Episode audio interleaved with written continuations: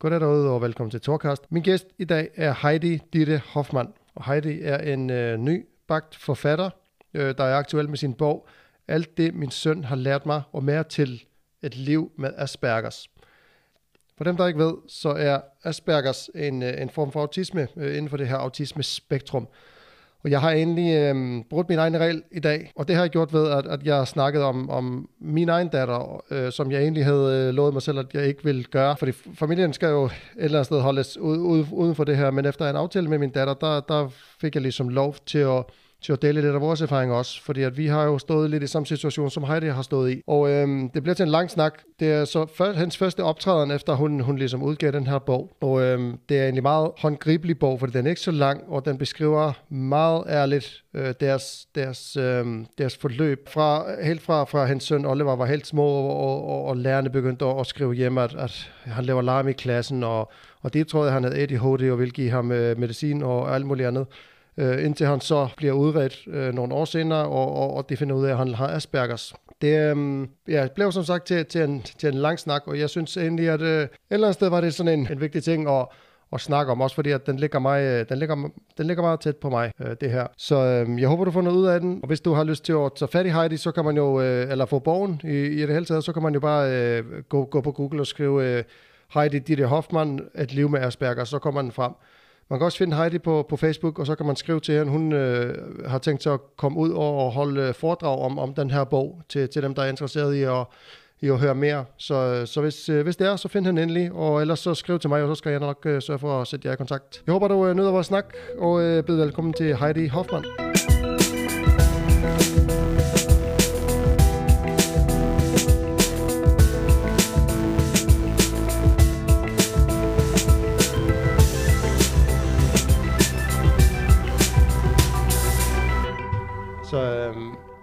Men altså, Heidi, velkommen til, til Torkast. Tusind tak. Fedt, du gad at være her. Mm. Tak fordi jeg måtte komme. Jamen, uh, min er fornøjelsen. Jeg er altså virkelig glad, når folk uh, siger ja til at komme, uh, komme hertil og snakke med mig, og, og jeg bliver ekstra meget glad, når det er en som dig, uh, fordi at, at det, du uh, har på hjertet, det er noget, der faktisk ligger meget tæt på mig. Mm. Uh, og du har skrevet den her bog, der hedder uh, Alt det, min søn har lært mig, og mere til et liv med Aspergers. Ja. Og det, um, som navnet hentyder til, det er jo, det, han, når man handler din søn, Ja. der har fået en, en diagnose, øh, som, som det kaldes, og, øh, og din sådan kamp altså med det, altså både inden du fandt ud af, hvad der var, mm. og, og, og, hvor, og hvor svært det kan være at få hjælp. Ja. Og jeg har måske lyst til at, til at starte med at høre, hvorfor valgte du at skrive en bog om det? Fordi jeg selv stod i en situation, hvor jeg, helt, hvor jeg synes, det hele var så svært. Hvor jeg bare følte mig helt alene. Så jeg tænkte bare, at den der følelse skulle andre bare ikke sidde med. Så hvis jeg kunne hjælpe nogen derude, så ville det være det hele værd. Ja. Jeg har jo lige læst bogen øh, på rekordtid. Øh, lidt, lidt lille skuld, skulderklap til mig. Øh, jeg fik den jo for fem dage siden, og, og, og nåede at læse den igennem øh, par af de sidste fem sider. Men mm. øh, jeg har også en datter, der har Asperger, Ja. øh, og, blev, øh, øh, og fik øh, diagnosen sidste år. Og Mm. vi har også været i det i rigtig lang tid, uden at vide, hvad det var.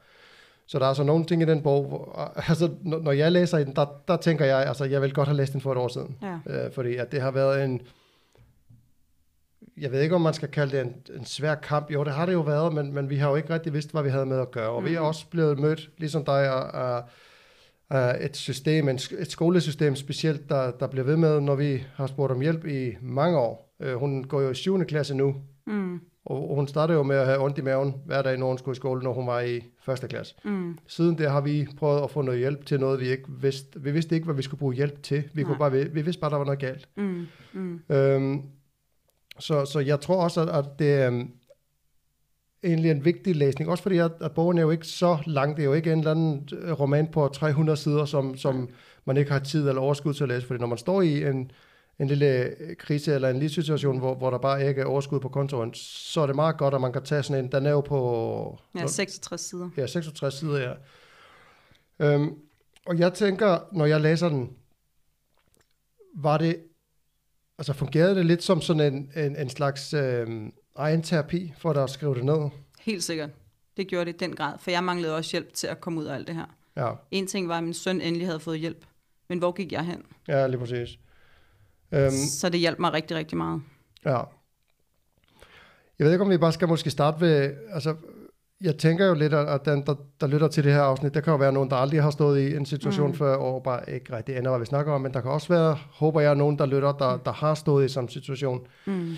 Hvor øhm, du, du beskriver jo i bogen, at allerede i en, en meget tidlig alder kunne du ligesom fornemme, at der var noget anderledes, så at sige. Mm. Hvor, øhm, kan du fortælle lidt om det? Altså, hvornår er det, at du begynder at lægge mærke til, at, at der var noget, der var... Øh, jeg, altså, jeg har, jeg har ikke rigtig lyst til at kalde det anderledes, men, men det er det jo, hvis man, hvis man kigger på, Ja, på, på de i gåseøjne normale børn, ikke? jo. Ja, og det er jo problemet, fordi at jeg synes jo, der var nogle ting med ham, men ikke så gralt, som det skolen lagde ud med. Mm. Øhm, og den hjælp, vi ligesom blev mødt med, var ikke en hjælp for min søn, og ikke en hjælp for mig. Nej. Måske mere en hjælp på skolen. Ja, det var hele tiden deres perspektiv, de tog det udefra. Ja, Så man, jamen, jeg tænkte først, at der var noget, da han knækkede, tror jeg, og fik den depression. ja, Hvor jeg tænkte, Nå, der er måske noget bag. ja. For jeg har også gået, altså mit første barn, øhm, hvordan skal et barn være? Ja, lige præcis. Øhm, det ved man ikke. Ja, der kommer ikke nogen manuel med. Nej, lige præcis. Og du siger også, det er din datter, ikke? Og den første, man har, og hvad gør man, og hvad kan man, og hvorfor er der ikke nogen, der lytter? Men jeg vidste bare, at de ting, jeg så i min søn, var noget andet, end det de så. Ja, Og jeg blev bare ikke lyttet til, og de lyttede heller ikke til min søn, og de rummede ham virkelig, virkelig dårligt mange steder. ja.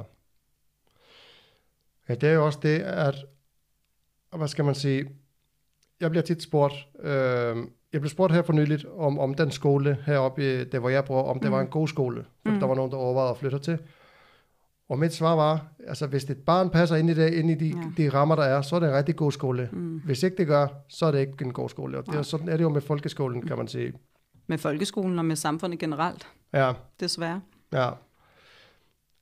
Jeg kan, jeg kan godt, øh, hvis, og nu hopper jeg jo lidt i historien her, men, men jeg, kan også, jeg kan også godt lide, Oliver skriver lidt selv øh, Ja. i, i bogen, det der med, med, efter corona kom, det der med at være introvert og ekstrovert. Øh, og for dem, der ikke ved, så kan du måske lige kort beskrive, hvad, hvad er introvert og hvad er ekstrovert, hvis nu, at der, der er nogen, der ikke ved, hvad det er.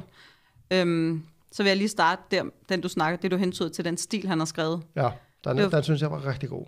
Det var, han skulle skrive en stil om, hvordan corona havde påvirket ham. Og der fik han bare sat ord på, jeg tænkte bare, det rammer bare spot on. Mm. I forhold til, at han sagde lige pludselig, så er det også introverte, sagde han. Og han nævnte sig selv som en af de introverte, der bare, der bare trives lige pludselig. Fordi de ikke skulle passe ind i de ekstrovertes kasser. Og han havde bare den der, så kan I se, hvordan det er. Og hvorfor skal jeg hele tiden føle mig forkert? Ja, Og det gjorde bare så stort indtryk på mig, jeg tænkte bare, så spurgte jeg, om jeg måtte tage den med, og det måtte jeg gerne. ja, For det der, det er bare i samfundet i dag, det er bedre at være ekstrovert. ja. Det, det er sjovere, det er hyggeligt at være sammen med en ekstrovert. Ja, det er også bygget op øh, meget på den måde, at man skal jo helst være på hele tiden, Ja. du skal have travlt, og du skal have den ene aftale efter den anden, Ja. ja. som vi snakkede om, inden vi gik i gang. Ja. Altså, man har jo et, et, et stramt program, hvor, hvor man i den grad har brug for et, en kalender, ikke? Mm. Øhm, Men det er også sjovere at være sammen med ekstroverte mennesker, der fylder rummet, der tager det hele. ja, Sådan udefra set. ja. Men det, det, der er svært i det, tænker jeg, for, for dem, der er ekstroverte og ikke har tænkt over det her, der er jo nogen, som ikke trives Mm. blandt mange andre mennesker. Og ligesom Mm. du, som Oliver så smukt beskrev, altså det der med, at altså, sådan, nu ser han det ikke på den måde, men, men det er min måde, at nu kan de fandme lære det. Ja, Altså, altså hvor vi er os, der, der plejer, og, og, hvor der er gang i det, når vi er ude hele tiden og laver noget, Mm. så lige pludselig bliver man tvunget til at være hjemme. Det er jo ja. sådan, øh, blandt andet altså, børn med Asperger har det. Mm. De bliver jo tvunget ud i situationer hele tiden. Altså, der kræver så meget energi af dem. ja, Og der er rigtig tit, hvor man bare tænker, kunne I ikke bare lige gøre det, eller kan du ikke gøre det? Man kan ikke sætte sig ind i, hvordan de har det. nej, Så det her det er også et håb om at få belyst, hvordan de har det. ja, Fordi hvordan skal folk vide det, hvis der ikke er nogen, der åbner op? ja. Og det er derfor, jeg hudløst ærligt bare har skrevet den her bog med alt, hvad den indeholder. Ja. Men sådan lidt tilbage til, til, til starten, altså, hvor du, altså, det var jo allerede i, og nu skal jeg ligesom se, om jeg kan prøve at huske det, fordi altså, der er meget i den her bog, som jeg også fortalte dig, jeg fik jo sådan våde øjne et par gange, fordi Ja. at, at meget i det beskriver jeg fuldstændig det, vi har været igennem. Mm. Øhm, og det var i første klasse, kan det ikke passe, og der begyndte øh, at komme Jo, der kom PPR ind over. Ja, Ja. ja. Og, og der kom jo, sådan som, som ma- mange har oplevet, der kom jo mange også beskeder fra skolen om. Mm. at, at han kan ikke det ene, og han kan ikke det Ja. andet. Øhm, så jeg tænker lidt, at det er måske der, det starter sådan at, at blive... For nu tænker jeg også på det fra, fra dit perspektiv. Altså, Mm. mm. det er jo ikke nemt som forældre at stå i det der. Det er det ikke. Og alle de der beskeder, som du siger, man hele tiden får. Dagligt får man at vide, hvad han gør forkert. At de, ja, de lyser bare på, hvad han gør forkert hele tiden.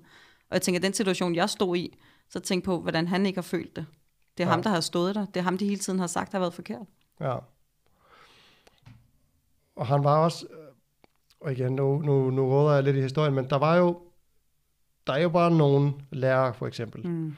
Der kan rumme børn, og så er der andre, der ikke kan. Mm. Øhm, og han havde jo, han havde det jo svært, kan man sige, ja. i skolen. Men han havde det også godt undervejs. Der var jo i hvert fald en lærer, du skrev om, som lige pludselig kunne, kunne møde ham, hvor han var, og, ja. og, og give ham opgaver, sådan noget som med, med teknikken i klassen, ja. for eksempel, hvor han ligesom bliver lidt levende, og, og det, det trives han i. Fuldstændig. Han blomstrede bare ved det. Og han snakker stadig om den lærer. Ja. Hvor meget det betyder, at en person ser en. Ja. Det er så vigtigt. Ja. Bare som menneske. Ja, lige præcis. Men han nævner jo stadig de lærere og de pædagoger, der ikke kunne lide ham. Så ja. det sætter sig rigtig, rigtig dybt i en. Ja, det jo det. Fordi altså, der er også mange, der snakker om sådan noget, altså med barndomstrauma og sådan noget mm. ting. Og, og, når, og, og når man, når mange hører ordet barndomstrauma, så forestiller de sig jo, at så er det fordi, at man har været misbrugt, eller ja. seksuelle overgreb, eller sådan noget. I den Alkohol stil. eller et eller andet. Ja, lige præcis. Mm. Men et trauma kan jo også godt være, at du, du var lige ved at blive kørt ned af en bil, når du var mm. tre år, og du kan ikke nødvendigvis huske det, men et eller andet sted i det har man så, det kan jo komme kom til udtryk uh, mange år senere i nogle urationelle frygter, eller nervositeter, eller mm. usikkerheder. Mm.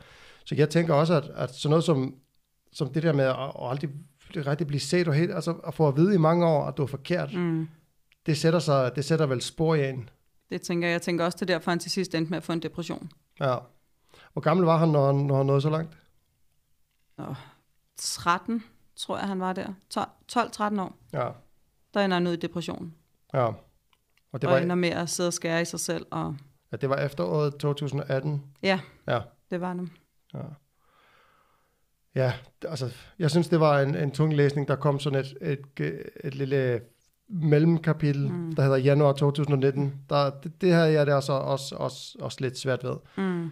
Øh, at, at læse. Men, men, men for, for dem derude, der måske står i samme situation, altså, hvad, hvad gjorde du? Altså, hvordan fik du taklet det her, når du, når du ligesom, hvad skal man sige, hvornår begyndte du at, at råbe efter hjælp? Øh, og, og hvordan var forløbet derfra? Mm.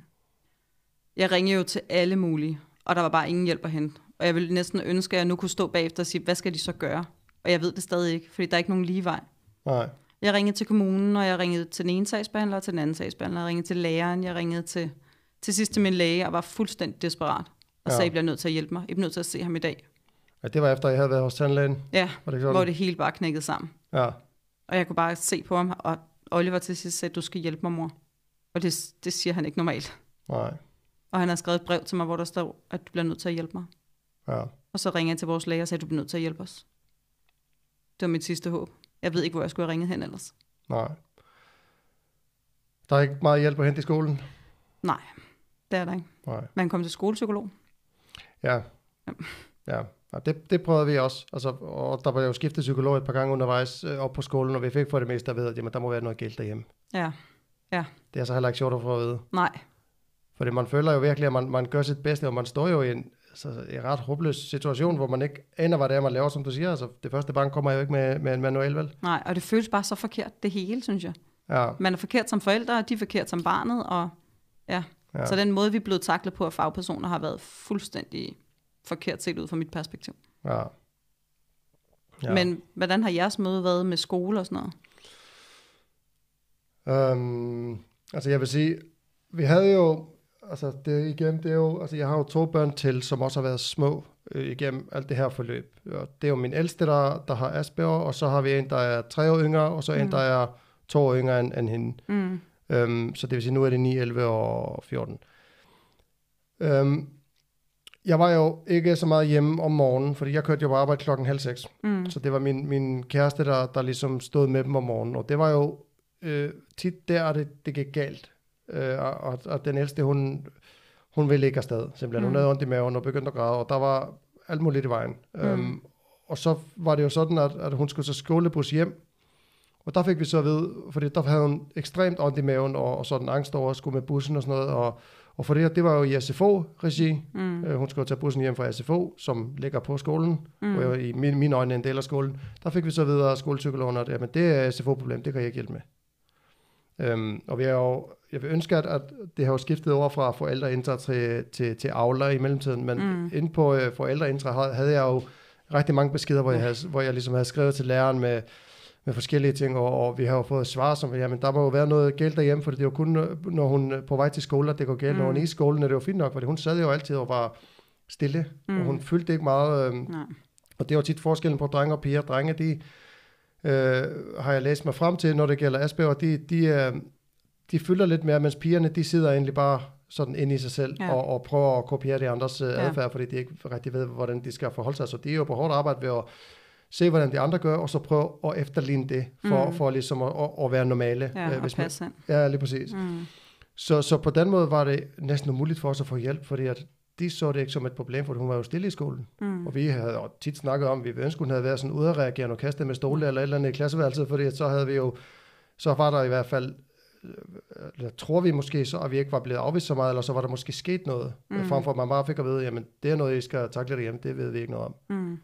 Um, så, så på den måde var det ikke, øh, det var ikke super fedt, Og sige. hvor fik I så hjælp fra? Altså det, altså det her, det gik jo over, det var jo, stod jo på fra første klasse, kan man sige. Øhm, og så i 6. klasse var det, det var sidste det år, forrige år, der, der var hun ikke særlig meget i skole, fordi mm. vi kunne ikke få hende afsted. Hun var jo blevet øh, stor og stærk nok til at, ligesom, altså hvis hun sagde, at jeg skal ikke afsted, så kunne vi, vi kunne ikke slæbe hende ud i bilen. Mm. Øhm, og når hun begyndte at have så meget fravær, der begynder kommunen jo lige pludselig at Ja. kigge, og så vil, var der lige pludselig øh, en masse hjælp at, at hente, og jeg vil sige, hans klasselærer, øh, han var faktisk ret god, han prøvede alt, hvad han kunne. Altså han har jo en klasse med 20 børn, kan mm. Man sige, og der er flere i klassen, der var, der er jo, øh, der er flere i klassen, der har Nogle problemer. udfordringer. Ja. Mm. Der var der er blandt andet en, som, som blev tvangsfjernet fra sin familie på et tidspunkt. Øh, og så, så han har jo rigeligt at se til, og, og jeg hvad, hvad sige, jeg har på mange måder lidt ondt af ham, fordi han prøvede virkelig Okay. øh, at gøre det godt for Kolbund, men, men der var bare ikke så meget, øh, der er ikke så meget at gøre, så hun fik jo lov til at sidde. hun, hun fik lov til at stille en stol op på et bord, hvor hun sad og brugte en højre reol som, som, som, som skrivebord, fordi at så var hun ligesom lidt sådan ud, ud af mm. den Mhm. der støj, der tit var i klassen. Øhm, Nå. så, så han har prøvet meget, men, men, men det kom jo først sådan for alvor, der hvor hun ligesom egentlig bare stoppede med at gå i skole, og så Mm. skrev jeg til skolen, og til sidst og sagde jeg det, men altså det her, det, det duer ikke. Det, altså vi kan ikke få andet sted, så nu, øh, vi ved ikke, hvad vi skal gøre. Nej. Øh, vi snakkede med skolepsykologen, som, det var så den nyeste skolepsykolog, der, der kom til, og hun har faktisk været rigtig, rigtig, rigtig god, vil jeg Okay. sige. Øh, hun er Karen, og han, øh, han, han synes jeg, at, at, altså, det synes jeg, jeg lige skal nævne. Hun, Mm. hun hjælper os rigtig meget. Hun lyttede til os også, fordi vi havde jo, som man gør, man googler jo af helvede til, frem og tilbage, og, og, og hvad, hvad kan Ja. det nu være, og læse og sådan noget, ikke? Og, og vi havde jo aldrig ret tanke om, at hun måske var højt begavet. Mm. Det var skolen ikke enig i på ingen måde. Øh, men, men vi fik presset på, og når vi nævnte det for skolepsykologen, hende den nye, så s- tog hun det seriøst og testede hende. Mm. Og det viser så, at hun har jo en IQ på 130. Ja.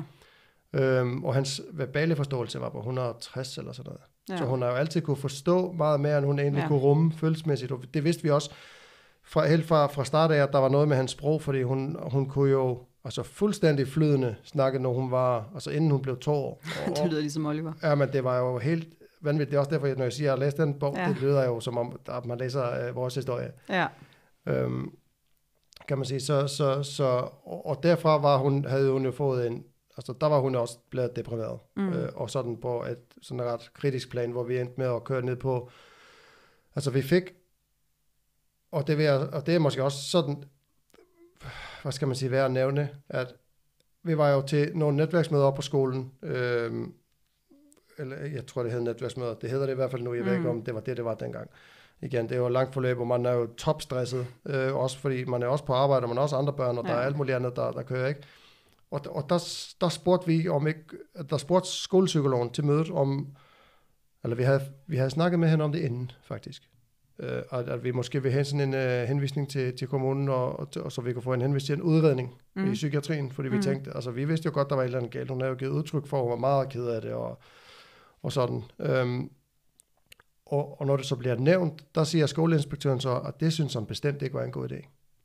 Det Okay. synes jeg, det var et meget stort skridt, og det var meget alvorligt at blande kommunen ind i det, og vi skulle virkelig overveje, om det var det rigtige, og, og alt muligt. Og, og, og nu gætter jeg lidt, men jeg tror, det er fordi, at det både kunne ende med at koste ham penge, fordi Mm. skolen skal jo betale, hvis hun skal til denne tilbud, og fordi Mm. at det vil se dårligt ud for ham.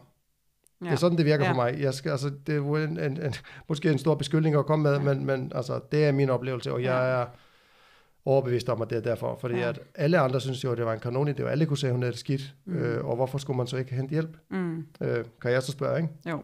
jo, jo, lige præcis. Ja. Og sådan er det jo også at være som forældre. Man ved jo ikke, hvad de har tænkt. Man kan jo kun, som du siger, gætte på, hvad de, hvorfor, hvad grunden er til det. Ikke? ja, lige præcis. Men det er sjovt, når du fortæller, fordi at Oliver har været modsat. Han har været drengen, der har fyldt ret meget. Ja, Og det har de jo synes været et problem, så de vil jo sende ham ret hurtigt op til kommunen, op til PBR, og Ja. have noget hjælp. ja, Og det er bare lige omvendt af, hvad du så fortæller, ikke? ja. Ja, for vi har jo gået med det, som sagt, i mange år. Altså, Ja. Fra første klasse til 6. klasse, der er altså, det er lang tid. Ja, Øh, og også at gå med en dårlig samvittighed. Ja. Man tvinger jo sit barn for, til at gå i skole, og man ved, at hun ikke har det godt, men man ved jo ikke, hvad fanden skal jeg gøre? nej. Og man ved jo heller ikke, og så det er også derfor, når man bliver spurgt, det ved jeg ikke, om du også bliver spurgt mm. om, hvad vil du have hjælp til? Ja, Man kan jo ikke svare på nej. det. Jeg ved ikke, hvad jeg skal bruge hjælp til. Nej. Jeg ved bare, at der er et eller andet galt i, i vores liv, og mit barn har det ikke godt. Og, Ja. og, altså, det er jo dig, der er forpersonen. Fortæl Ja. mig, hvad jeg skal gøre. Fortæl, ja, og fortæl mig, hvad jeg kan få hjælp til. Ja, lige præcis. For jeg havde også en sagsbehandler siddende hjemme hos os, efter Oliver fik diagnosen, hvor hun sagde, "Mm, du må bare sige, hvad du vil have hjælp til. Så, "Mm, hvad, hvad kan jeg få hjælp til? Kan jeg, få, kan jeg snakke med nogen? Nej, det kan du ikke.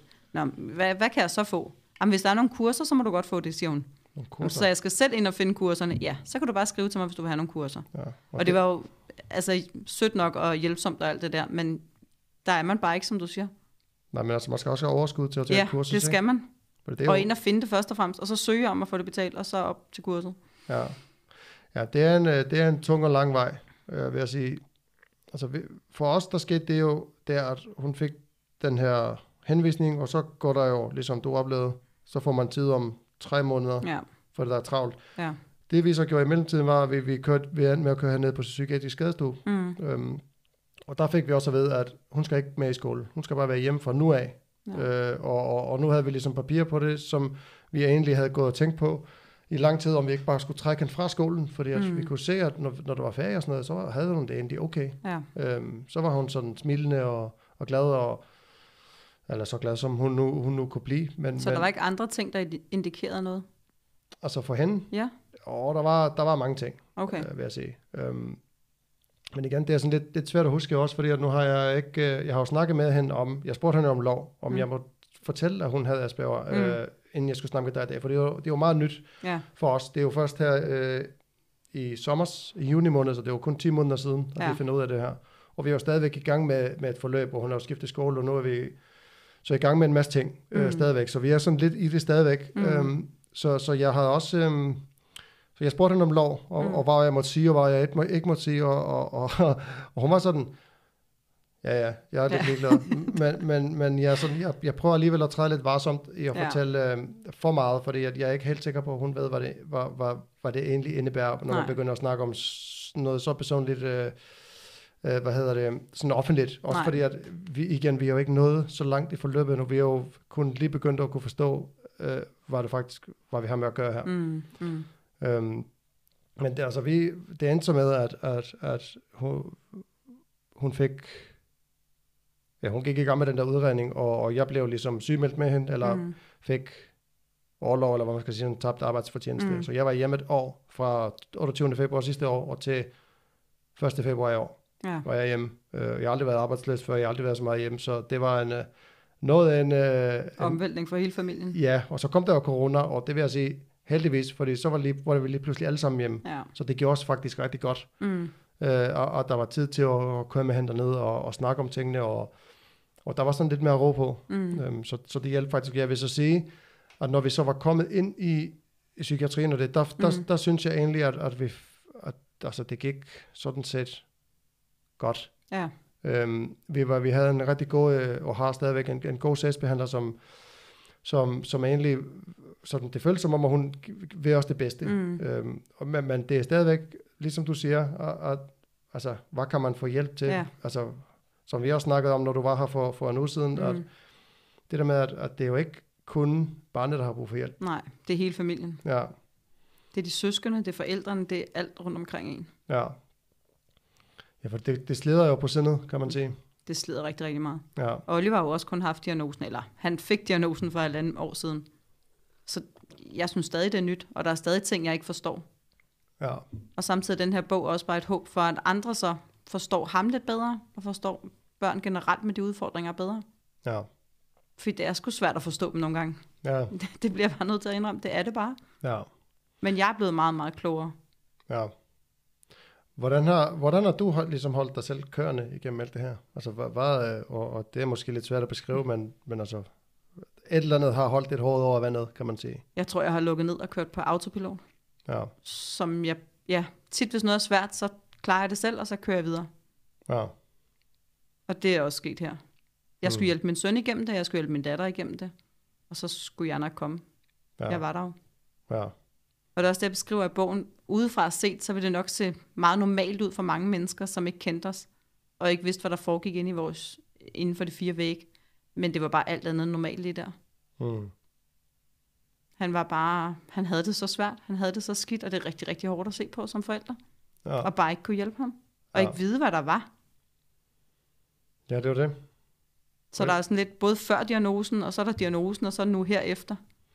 Ja, det er det, for det er, der er ligesom forskellige faser i det. Det er jo ikke som om, at man får diagnosen, og så er det lige pludselig godt det hele. Nej, Øhm, nogle ting falder på plads. ja, Da man først havde accepteret det, jeg spurgte hende jo også, er du helt sikker på det her? Ja. Fordi jeg var jo også ude i, da han var mindre, som du siger, det der med, jeg troede, han havde en høj IQ, og det har han også. Men skolen ville ikke acceptere det. De sagde, det har han ikke. Han er bare for meget krudt bag for han er dreng, og ja, de pegede på en anden diagnose, end hvad han så endte ud med. Ja. Og det har vel tænkt ADHD, ligesom ja. alle andre. Ja, Ja. og de snakkede om Ritalin til ham, og ja, Ja, ja, lad os give dem uh, speed. Det, ja, ja lige præcis. Ikke? Og jeg sagde blankt nej, og sagde, hvad kan vi gøre for at hjælpe ham i stedet for? Jeg synes slet ikke, de tog særlig meget ansvar. Nej. Og som du siger, jeg har også mødt gode personer i det her, det skal også lige sige. Så min læge var fantastisk, og da vi først røg ind i psykiatrien, var de også rigtig gode. Der har været gode lærere, og han har en god lærer lige nu. Så det er ikke kun dårlige mennesker.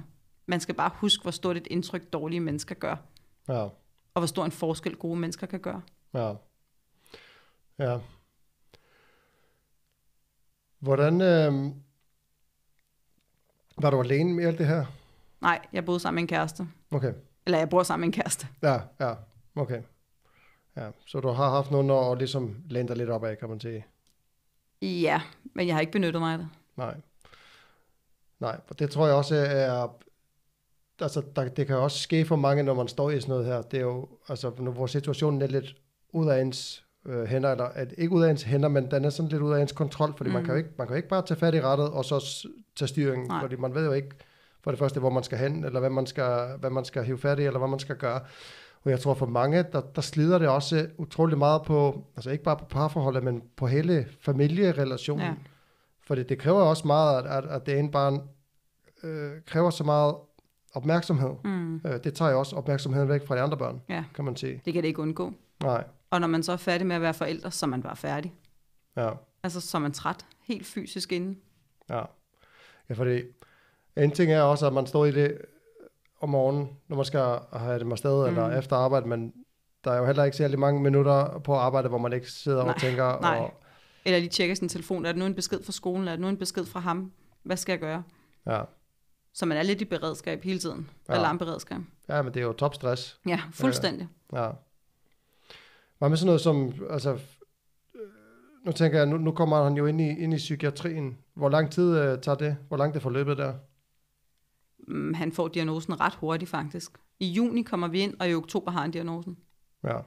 Og det minder lidt om vores. Vi startede i marts og havde diagnosen i juni. Ja, Så, så det tager jo ikke lang tid for nej, at finde ud 3-4 af. måneder, så Ja. ja. Og stadig vil jeg sige, at jeg synes, de var grundige.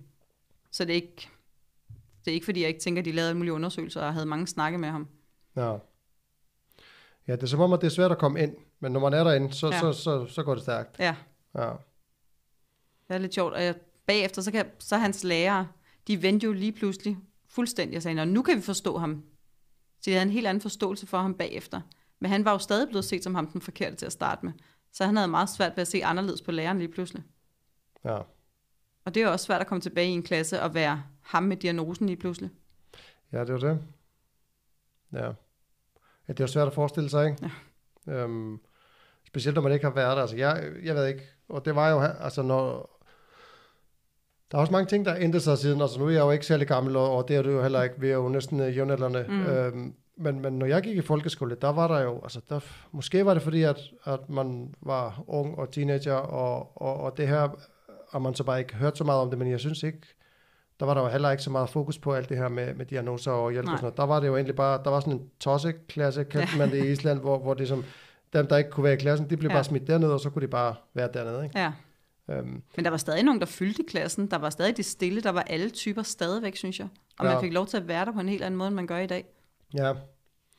Jamen, jeg kan ikke helt regne ud. Jeg er heller ikke, øh, og det har jeg også sagt mange gange før, jeg er jo ikke fan af det her skolesystem. Øh, og det er jo ikke, ikke bare på grund, af, på grund af min datter, men, men bare sådan generelt. Jeg synes, man har fokus på mange af de forkerte ting. Mm. Vi skal jo alle sammen kunne skrive og regne øh, og læse. Det er jo sådan nogle af de ting, jeg tænker, det, det skal man jo kun i, i, i hvert fald i et eller andet omfang. Mm. Øh, men, men, men der er også mange ligegyldige ting, som, som, som slet ikke skulle være der, og, og, og som jeg snakkede om her for nylig med en, der hedder Alexander, som jeg havde på podcasten, han, øh, han kom også med det her med, at hvorfor er der ikke et fag, der hedder sådan How to Human, eller sådan ja, noget, ja. Øh, hvor man faktisk lærer, og, og hvad det skal sige at være et menneske. Ja.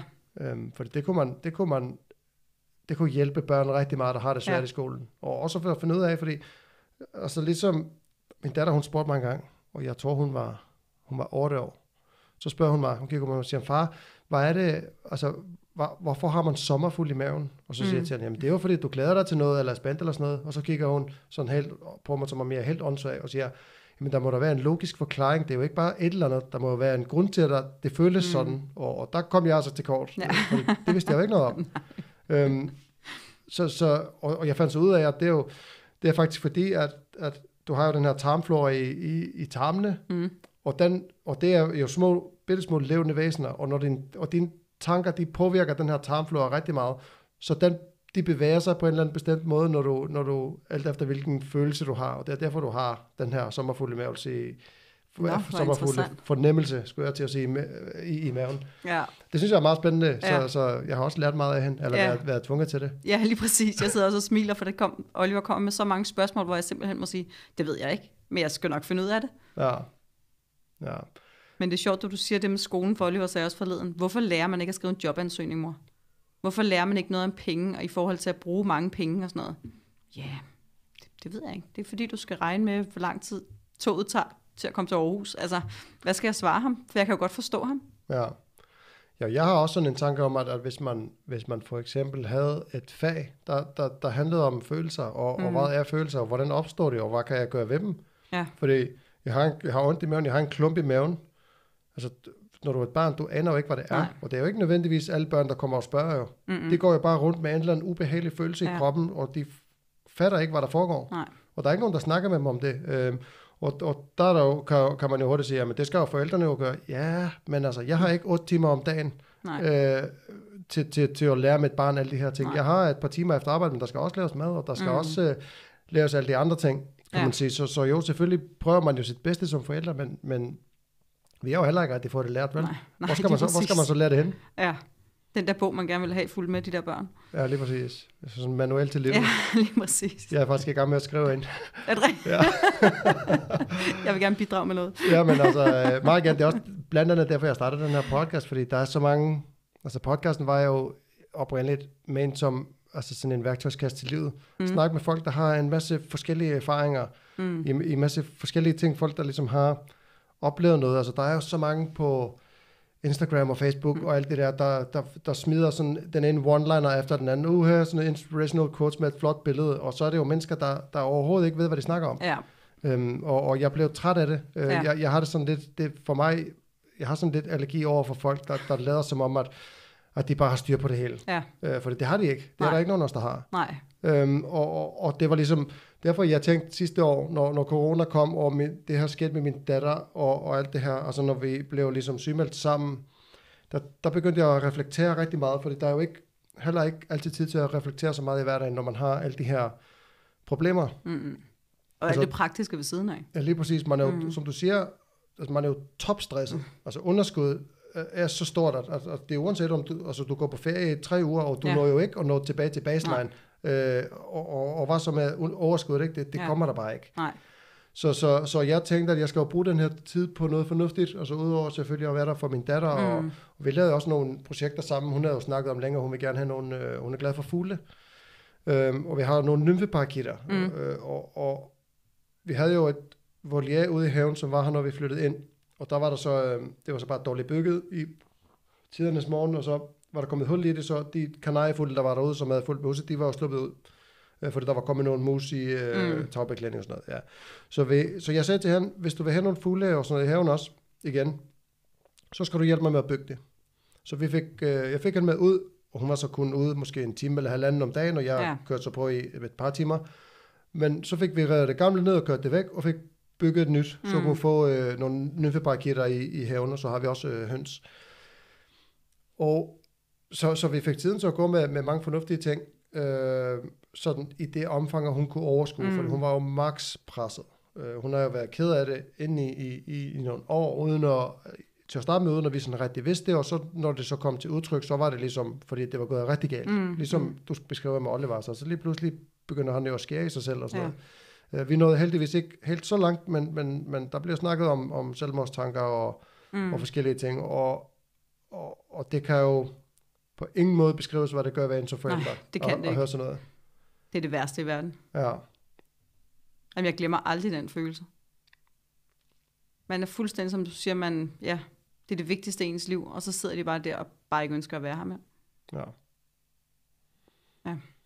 Ja, det er ikke sjovt. Det er også derfor, jeg skrev til dig i, i forgårs, det der med, at, at når, jeg, når jeg lige læste det der, der, der sad jeg også sådan lidt over. Hele familien var der, og børnene var der og spillede iPads og sådan noget, og jeg tænkte bare, okay, nu skal jeg lige keep, it together, fordi det, den ramte så hårdt Ja. øh, at læse, fordi vi har jo stået i det samme, Ja. kan man sige.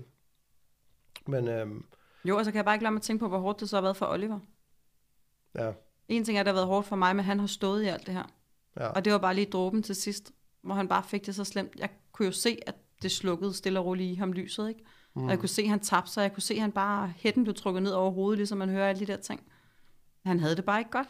nej, Men jeg kunne bare ikke hjælpe ham. Jeg vidste ikke, hvordan jeg skulle hjælpe ham. Jeg vidste ikke, hvordan jeg skulle nå ind til ham. nej, Så det er mega hårdt. ja. Hvor gammel var han der? Han var 13 eller Ja, sådan, ikke? 12, 12 13 år. Jamen, det er jo det samme alder som, som min datter. Det er sjovt, at det kommer... Er i teenagealderen. der. Ja, lige præcis. Ja. Der sker også bare mange ting. ja, der sker rigtig, rigtig Altså, mange det, ting. det er hårdt at være teenager, når man er sådan i gåsøjne normal. Ja. Altså, det, er- Og lige pludselig skal man forholde sig til alt det andet også. ja. Og alle de der ting, der bare er svært. Og det er også derfor, jeg synes, jeg får en kæmpe gave af at snakke med Oliver. Ligesom du nævnte før med samtaler, hvor Oliver siger, at der er ikke særlig mange mennesker, der er interessant at snakke med. Og jeg giver ham faktisk ret. ja. Der er ikke særlig mange mennesker, der åbner op. Og i den tid, hvor jeg havde det allersværest, hvis folk spurgte mig, hvordan går det, så sagde jeg fint. Ja. Og de kunne ikke se på mig, at det ikke gik fint. For jeg klarede det jo. Ja. Ja, det var det. Ja, jeg er ude fra set, der, der, det kan altid, altså det er ligesom, lige pludselig er der et, eller andet par, man kender, som lige pludselig bliver skilt, og man Ja, tænker, lige hvad skete der lige? Det Hvor kom gik, den fra? Ja, det gik jo så godt, ikke? Ja, Men det er jo den der facade, vi alle sammen har, fordi altså, jeg, jeg har været til en uddannelse nu øh, ved at skifte, øh, skifte branche, øhm, og, og der bliver der meget, nu skal jeg til at arbejde med mennesker, og der bliver der snakket meget om det her med, med de tre P'er, der er noget, der er privat, mm. personligt, og så er det professionelt. mm. Og når man står i sådan noget her, der, der, der har man jo tit professionel Mm. hatten på, hvor man ligesom bare siger, men det går fint. Ja. Det, men jeg bare... tænkte heller ikke, at folk kunne magte. Hvad Nej. skulle de gøre, hvis jeg sagde, at det går af helvedes til, og min søn, han vil faktisk ikke leve mere? Så ville de stå og kigge på mig og tænke, altså, hvad kan de bruge det til? ja. Så det var den følelse, jeg havde. jeg tror også, at når folk spørger, hvordan går det, så forventer de også bare et svar, der hedder fint. Ja. Fordi der er jo ikke nogen, der kan rumme alt det her. Nej. Jeg har, jeg prøvet også, øh, har prøvet et par gange, fordi jeg er heller ikke meget for, eller har ikke været meget for at søge for meget hjælp, fordi mm. at man har jo, jeg har altid klaret tingene selv Ja. på en eller anden måde, men jeg har da prøvet at, at åbne op for, for et par af dem, jeg tænkte, Mm. den her person kan jeg regne med, nu er jeg nødt til at, at ligesom snakke om det her, og folk, som du siger, de kunne slet ikke rumme det. Der var, ikke, der var ikke noget hjælp at hente, Nej, for det, alle har jo deres eget lort at, at deal med, ikke? ja. Øhm, så Jeg havde så et par stykker, jeg kunne hælde ud til nogle gange, hvis det blev for meget. Hvor. Ja. man lige kunne tage telefonen og sige, jeg har lige brug for luft. Og så Ja. hælde det hele ud og lige snakke med dem, og så, okay, så ind og være mor igen. Ja, jeg tror også, det er vigtigt, hvis, altså hvis der er nogen, der lytter med, der står i, i, en, i, i noget lignende, altså det der med at prøve at finde nogen at snakke med mm. om Mm. det. Fordi bare det der at sige tingene højt nogle gange, kan også bare give for det første luft i hovedet, men det Mm. kan også bare give sådan en klar syn på tingene. Ja. Øhm, Men det er svært. Man skal selv have overskud til at fortælle andre, hvordan man har det. Ja, ja det er også det. Og man, og man skal også ligesom, og der, der kan også godt være, ligesom, ligesom for mig, altså jeg har altid, altid snakket meget med min mor for eksempel, vi har Mm. været rigtig gode venner, men i perioden, hvor det var ligesom sværest med, med min datter, der havde min mor jo kraft, Mm. og boede i Island, Mm. så jeg kunne ikke lige ringe til hende for, for at læse af, fordi Nej. hun havde jo ligesom rigeligt at slås med, kan man Mm. sige. Øhm, Så, så så alle de hensyn, man tager. det er jo lidt det. Ja, det skulle ikke nemt at være øh, menneske altid. Nej, det er det. Nej, men det er også derfor, det er vigtigt, at man har sådan nogle snakke som den her. Ja. Og, og apropos det, som vi snakker om lidt før med, med, med sådan en podcast, altså at finde, altså jeg har søgt rigtig meget inspiration i podcast selv, Mm. mm. og har hørt om utrolig mange ting, og jeg laver altså har heldigvis været god til at, at, at ligesom prøve at finde på ting, der kunne give mig øh, lidt luft til at Mm. kunne klare øh, mere, så at sige. Mm. Og, og der begyndte jeg at lave, øh, og det var så også fordi, jeg havde noget i ryggen og, og, og lidt forskelligt, og, og, og kunne godt mærke, at mit, mit stressniveau det var alt for højt, og det havde det jo været i mange år. Jeg, Mm. jeg endte faktisk også med at få sådan et burnout i, Mm. i 2017, hvor det ligesom hele verden bare crashede på en eller anden måde. Mm. Men, men der har jeg, øh, havde jeg heldigvis samlet på et par værktøjer inden, og har samlet på, på endnu mere siden, og, og, og lavet en masse ting, altså få lavet noget yoga alene hjemme mm. Mm. i stuen, og, og lavet åndedrætstræning, og begyndt at meditere og sådan noget, og det lyder jo som sådan nogle åndssvage hippie ting, hvor man tænker, åh ja, altså, det er jo sådan noget langhåret noget, ikke? Mm. I mangens øjne, Ja. ører i hvert fald. Men, men, men der er ligesom en, en, en grund til, at, at, at de her ting er så populære, og de har Ja, og kommer mere og i- mere frem. Ja, og de har eksisteret mm. i mange tusind år, ikke? Ja. Ja. Det er, fordi det virker. Ja. Uh, det er bare et spørgsmål om at finde, finde ud af, hvad det, hvad det, der virker for mig. Mm. Uh, og jeg laver også vinterbadning. Og der vil jeg så sige, det, det er nok en af de mest fantastiske ting, jeg laver. Fordi uanset hvor meget pres der var på, og mm. hvor meget uh, alt det her plus arbejde, plus alt det andet fyldt i mit hoved, når mm. du Mm. kommer ned til havnen, begynder at pille tøjet af, og det blæser, og det er koldt, og du fryser jo allerede, inden uh, du er nået hen til, til trappekanten. Lige snart jeg kommer ned i det vand op til skuldrene, så kommer der bare ro på. Ja. Altså alle tanker, det forsvinder bare med det samme, for du kan ikke være i andet. Du, du er nødt til at forholde dig til øh, den her kulde. Jeg sidder jo gerne i, i et par minutter, Mm. øhm, og, og, og selvfølgelig på en ansvarlig måde. Vi, vi kan være jo altid to eller flere, og så er det lige det der med at berolige sit åndedræt. Det var mm. det vigtigste, fordi de fleste, der, der, der dør i koldt vand, de, de øh, drukner, fordi de hyperventilerer på grund af kulden, og så går der 30 sekunder indtil du besvimer, og så drukner du. Mm. Øhm, Så det der med at, at, at bruge 10-15 sekunder på at berolige åndedræt, og så bare sidde dernede. Så alle de der hverdagstanker, de forsvinder bare lige med det samme. Så mm. der har man lige et minut eller to, uden noget som helst. Ja. Øhm, så det gjorde meget for mig. Jeg vil anbefale det for alle jer derude Mm. at prøve. Også selvom man ikke kan gå til kullet, det er jeg sgu heller ikke. Nej, jeg skulle sige, jeg har prøvet det to gange, men der stod en sauna ved siden af. Ja, Ja. ja vi, tager ikke, vi, vi tager ikke sauneren. Øh, jeg synes, øh, både fordi vi ikke er medlemmer af en klub, og også Mm. fordi, at, at, at jeg kan egentlig godt lide den der, jeg kan på en eller anden måde lide den der ubehagelige følelse. Mm. Det er som om, at, at når det er sådan tvunget, eller når det er frivilligt ubehag, der er det, øh, der giver det noget. Mm. Det giver mig overskud. Havde du nogen ting sådan i løbet af alt det her, hvor du ligesom, noget du lavede til at, til at forsøge at tanke op? Jeg ved godt, det ikke altid lykkes, men, men Mm. Nej, jeg prøvede at meditere nogle gange. Gå Ja. ture i skoven, hvis der var tid til det. ja, Når ungerne var hjemme hos deres far der hver anden weekend, ja, så prøvede jeg bare at finde lidt ro og lidt tid til mig selv. Men jeg må Mm. indrømme, jeg var også helt færdig. Så nogle gange så sov jeg også bare. ja. Ja, men det er også det der med at sætte sig ned og meditere, det kan også være hårdt. Ja, Fordi det der, kan det. der har man jo, og, og, det er, og, og det er egentlig faktisk ikke, at det kan det, det er det, øh, for, for, for os, når man ikke har øh, pres på, mm. kan man sige. Fordi at der er du andet sted nødt til at forholde dig til de tanker, der kommer, mm. Mm. og øvelsen går så i, i, i stort træk ud på, at, at ikke blive fanget af de der tanker, fordi tankerne kan jo løbe afsted med en i alle retninger. Ja. Det kan jo løbe, altså hvor mange gange har jeg ikke stået i badet efter arbejde og, og i bruseren, og så fordi at jeg forventer, at, at du ved, nu, altså jeg har tit været i gang med et skænderi med min kæreste allerede inden hun kommer hjem, fordi at jeg forventer, at hun nok kommer til at sige det der, eller kommentere ja. På det der, og så når hun kommer hjem, der er jeg jo allerede i fuldt beredskab, Ja, øh, og klar til kamp, og, og så og kommer har hun, næsten haft skænderiet, inden hun kommer. det har jeg jo mange gange, øh, og, og forskellige du ved, outcomes og sådan noget. Så kommer hun hjem, og så er der faktisk overhovedet ikke noget at skændes om. Og, og det er jo fordi, at man, man bliver jo fanget af de her tanker, og de Ja. løber jo afsted med en. Øhm, og, og meditationen, den går jo egentlig ud på at fange sig selv i, hov, Mm. det var en tanke. Og lige så snart man ligesom erkender, Mm. Det der, det var, en, det var en, ta- bare det var en tanke. Du behøver ikke tage stilling til den, om det var dår, god eller dårlig, mm, eller noget som helst. Så er det ligesom, om man så mister hovedet interessen i den. Mm. Øhm, så, så, så det kan være svært, men, men det, der egentlig virkede bedst for mig, vil jeg sige, det var, også fordi igen, når man er så presset, så det der med at sidde alene i stillhed, mm. det er ikke nødvendigvis det bedste. Nej. Selvom jeg rigtig gerne vil sige, at alle skal meditere. Det er mm. ikke nødvendigvis det, man skal. Øh, Stilheden kan godt være rigtig larmende. Det er nemlig det. Ja. Øh, og så, så ligesom du siger, det der med at, at gå en tur i skoven, det lyder jo så banalt, mm. men, men, men det, det gør jo noget. Det gør noget. Og jeg lavede rigtig meget sådan noget flow yoga, hvor, hvor jeg ligesom var i bevægelse, det er sådan dynamisk yoga, hvor man ligesom mm. øh, sådan simpelt beskrevet, så, så bevæger du dig med hvert åndedræt, du tager. Så på en indånding, der løfter du måske armene op, og på udåndingen sætter du armene ned langs siden, eller laver en foroverbøjning, eller et eller andet. Mm. Øhm, og sådan så, at med hvert åndedræt, der laver du en bevægelse ind i en stilling, ud af en stilling, og i sådan mm. en transition imellem stillinger, og ned og op, og frem og tilbage, og alt det her. Og det gør også bare, at du er nødt til at koble åndedrættet på kroppen. Det giver kropsbevidsthed, det giver fokus på dit åndedræt, og det giver det, at når du er fokuseret på de to ting og de her bevægelser, der er der ikke plads til så mange tanker. Nej. Øhm, så, så, så det hjalp mig også utrolig meget. Mm. Øh, og fordi sådan noget stille yoga, sådan noget yin yoga, hvor man ligger i et stræk i 3-5 minutter, Ja. det er utrolig svært, fordi en ting er, at hovedet kører på fuld skrue, men man skal også prøve at forholde sig til at slappe af i kroppen, mm. og det er ikke sikkert, man kan. Øhm, jeg ved ikke, om du har haft ondt i skuldrene eller ryggen, mens øh, alt det her stod på, men, men det tror jeg, mange gør. Jeg når- at man har ondt over det hele, tror jeg. Ja, Det sætter sig jo i kroppen. Det Ja. ved man jo. ja. Ja, fordi man spænder jo op alle mulige steder. Fuldstændig. Og ignorere, hvor man har ondt hen, for det er der ikke tid til.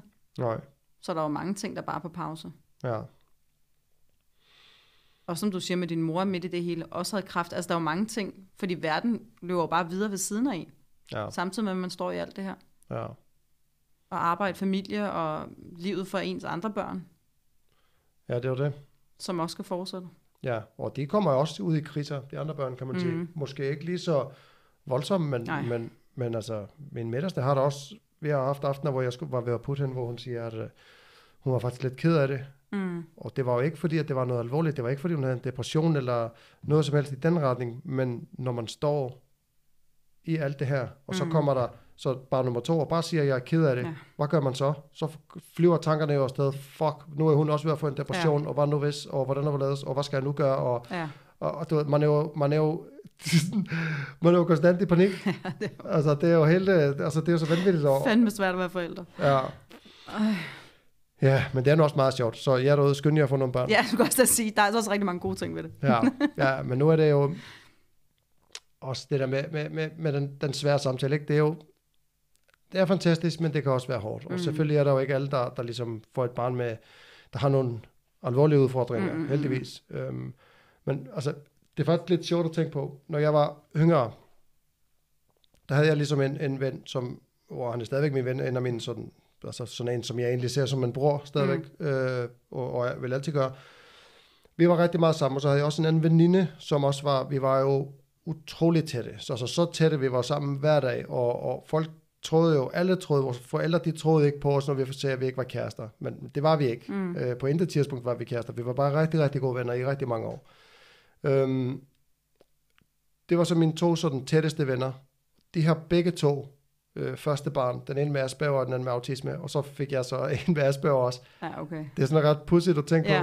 på. Øh, de bor så i Island begge to, men øh, Har du så ikke kunne bruge dem meget? nej. Øh, fordi at, altså, ham den ene, han, hans søn er jo kun fire år nu. Mm. Og de fandt jo, altså hans kone er jo sådan noget, øhm, hun er uddannet inden for, jeg ved, ikke, hvad, jeg ved ikke, faktisk ikke, hvad det hedder på dansk, noget med opdragelse af børn.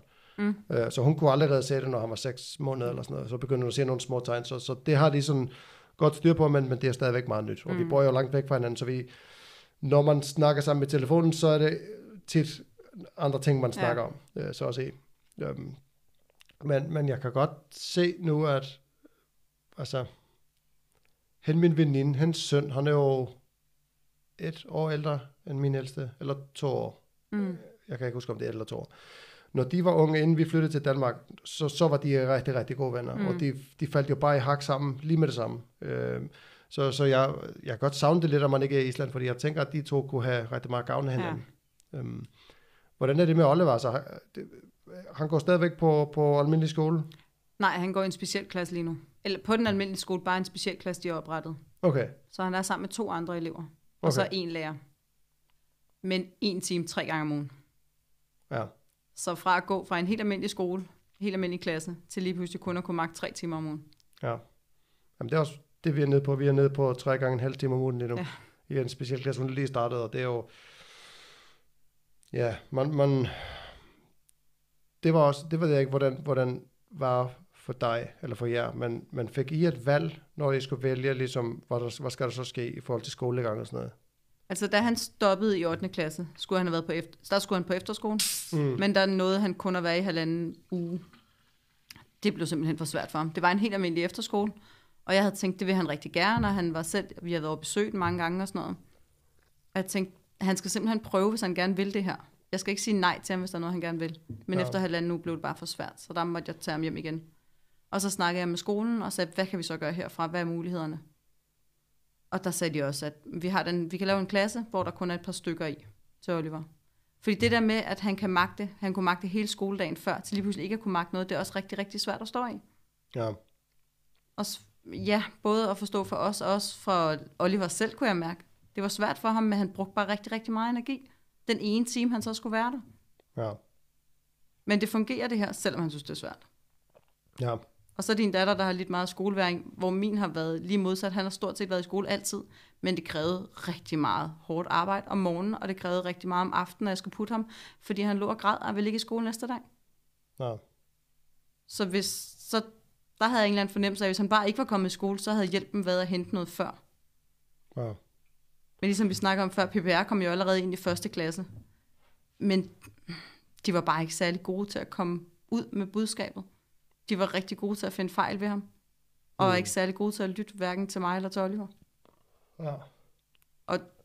Nu er jeg jo selv uddannet pædagog. Og det der med at sidde på den anden side af det skrivebord, når man sidder og har en samtale, og bare føle, at de ikke lytter, det er rigtig, rigtig svært. Og jeg tænkte, det er jo ikke, fordi jeg ved mere end dem, men jeg kendte bare min søn, og jeg vidste bare, det var rigtigt, det jeg sagde. Men alligevel ikke at gå med mavefornemmelse, det synes jeg var rigtig, rigtig svært. Ja. Og bare føle, at nå, okay, så har I nok ret i det, I siger. Så er min søn nok bare forkert. ja, for man begynder jo stille og roligt at tro på det, ikke? Det gør man. Ja. Jeg troede at til sidst, at han var forkert, eller havde oplevelsen af i hvert fald, alle andre så ham forkert. Jeg var den eneste, der ikke så ham forkert, følte jeg.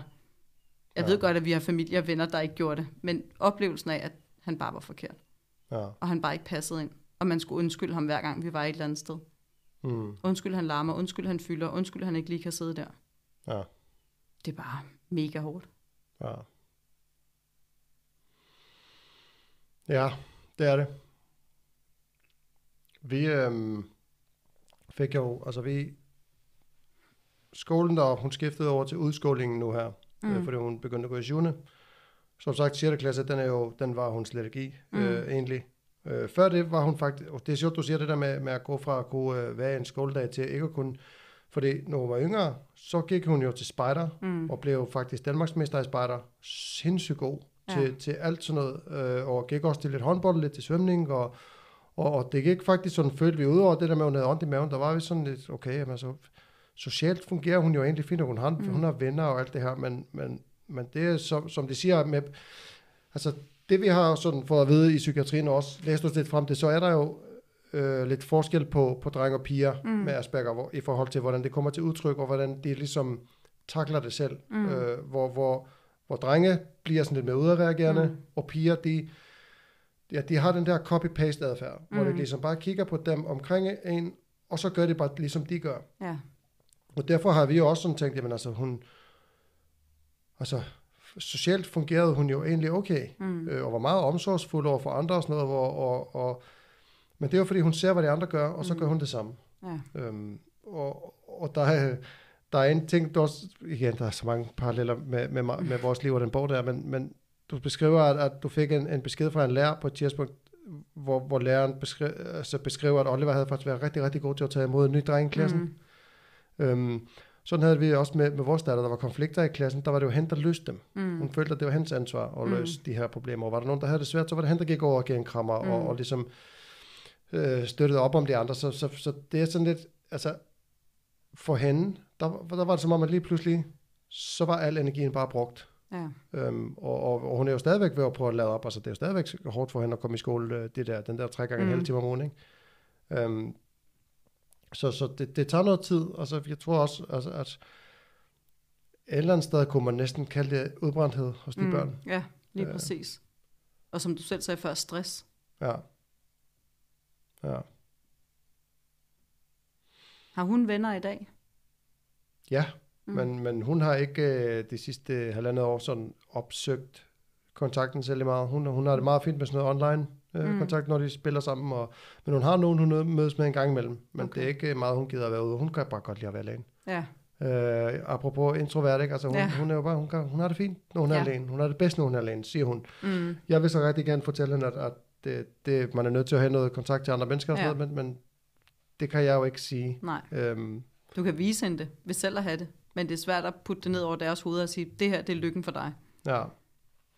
Ja, fordi at, som du også siger, når de er i den alder der, Mm. de begynder også at reflektere over, hvad, hvad så med min fremtid? Ja, Hvad skal jeg så lave i fremtiden? Hvis ikke Ja. jeg, altså, hvor- hvad hvis jeg skal begynde at arbejde og bo af alene og sådan noget, og, og mm. det går jo også at stresse over sådan nogle ting, som, Mm. selvom de måske ikke nødvendigvis siger det højt. mm. Oliver skal ingenting, siger han.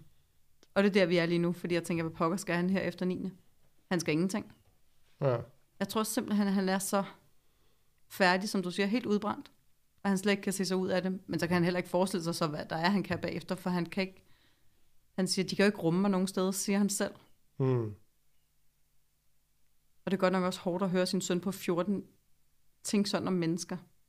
At ja. de allerede ikke kan rumme ham nu. Ja. Ja. Ja, jeg, kommer, jeg, kommer, jeg smiler sådan lidt, fordi at jeg kommer i tanke om, jeg, nu begynder jeg at komme i tanke om mange ting, jeg har læst i bogen, øhm, men, men også det, som I også oplevede, at, at man, at det som Oliver, han gik til noget, jeg kan ikke lige huske, hvad det var. Han er gået til karate. Nej, øh, hvad det, var, det var taekwondo. Klat, ja, taekwondo gik ikke så længe, men Nej. Klatring gik han til. Når så var det karaten, Mm. hvor, det, hvor, han, hvor du ligesom beskrev, at lige pludselig fra den ene dag til den anden, Ja. så gad han ikke mere. Nej, For det, så er der sket et eller andet, en lille ting, Ja. som man ikke kan kunne lide, og så er det lige pludselig helt, alt hvad der er karate, det gider jeg ikke mere. Ja, Øhm, det, det, er hele også, er bare sort. ja, Det er sort-hvidt. ja, ja.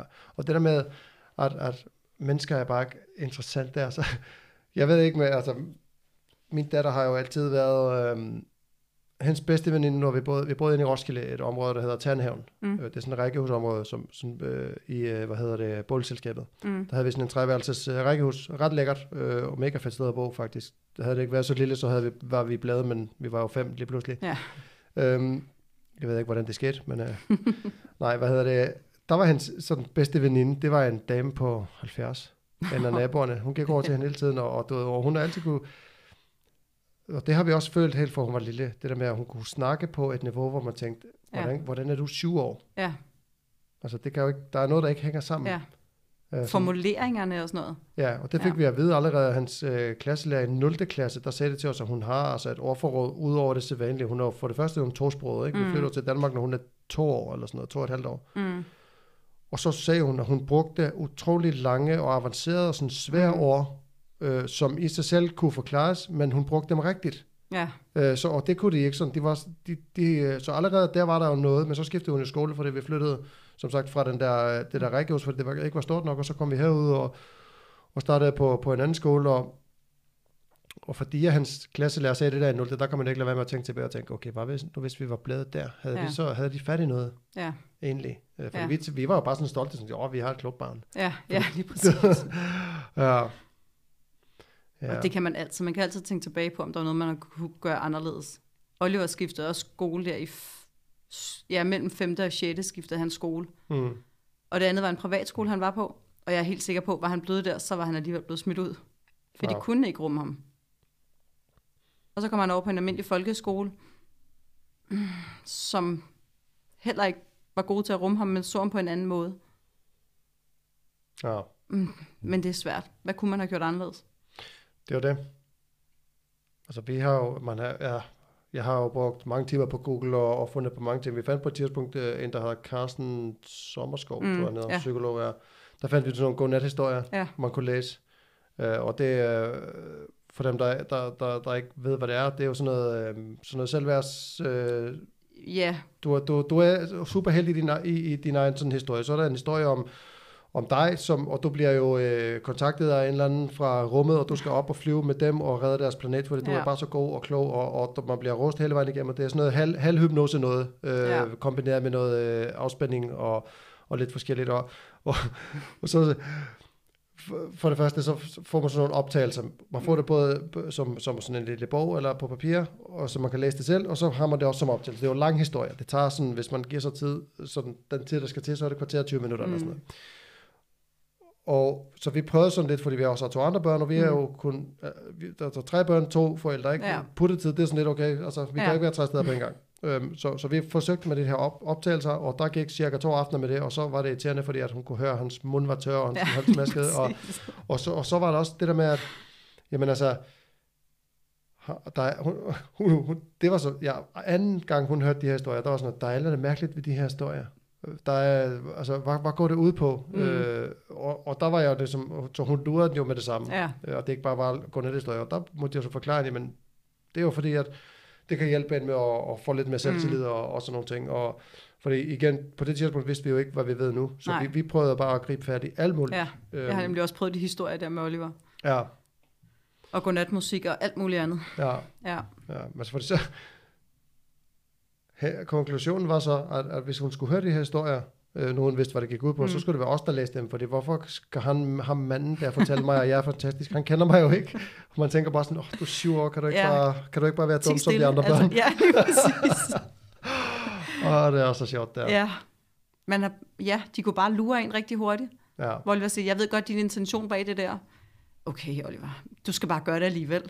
Jamen, Ja. du, du siger jo bare det der, fordi så får du mig til at gøre sådan der, så vil du gerne have det og det og det. Ja, det har du ret i, men du skal gøre det alligevel. Ja. altså, ja, man kan ikke manipulere med dem så nemt. nej, det kan man bare ikke. Nej. Og når man først forstår dem, så er det faktisk også nemmere at snakke ind i dem, synes jeg, som, som vi snakker om før. Det er bare sort-hvidt nogle gange. Ja. Nå, okay, kan du det her? Nej, men så kan du sådan her, så deler jeg det op sådan her, og så deler man det op sammen med dem. Ja. Så det er også det, det handler om nogle gange. Ja. Men du skriver også øh, sådan tæt på slutningen af din bog, at, at han også nogle gange sådan prøver at bruge sin diagnose ja. sådan strategisk. at jeg kan ikke tømme opvaskeren, jeg har Asperger. Ja, er det okay? Nej, altså. Ja. Og det er også bare fedt at bruge humor nogle gange. Ja. Fordi, ja, det er bare trist, og det er rigtig hårdt at være i, men nogle gange, så skal man også op igen. Og man Ja. skal også ud på den anden side, ja, det er det. heldigvis. Ja. Og det er også det, jeg vil vise med den der bog. Man kan godt komme ud af det igen, selvom det ser eller mørkest ud. Ja. Ja, det er det, og jeg tror også, altså nu, altså, ligesom, ligesom du sagde før, det er jo ikke fordi, at, at man lige pludselig sidder her og har en masse ting, og bare, og bare kan sige, men du skal bare gøre sådan og sådan og sådan. Nej, Der.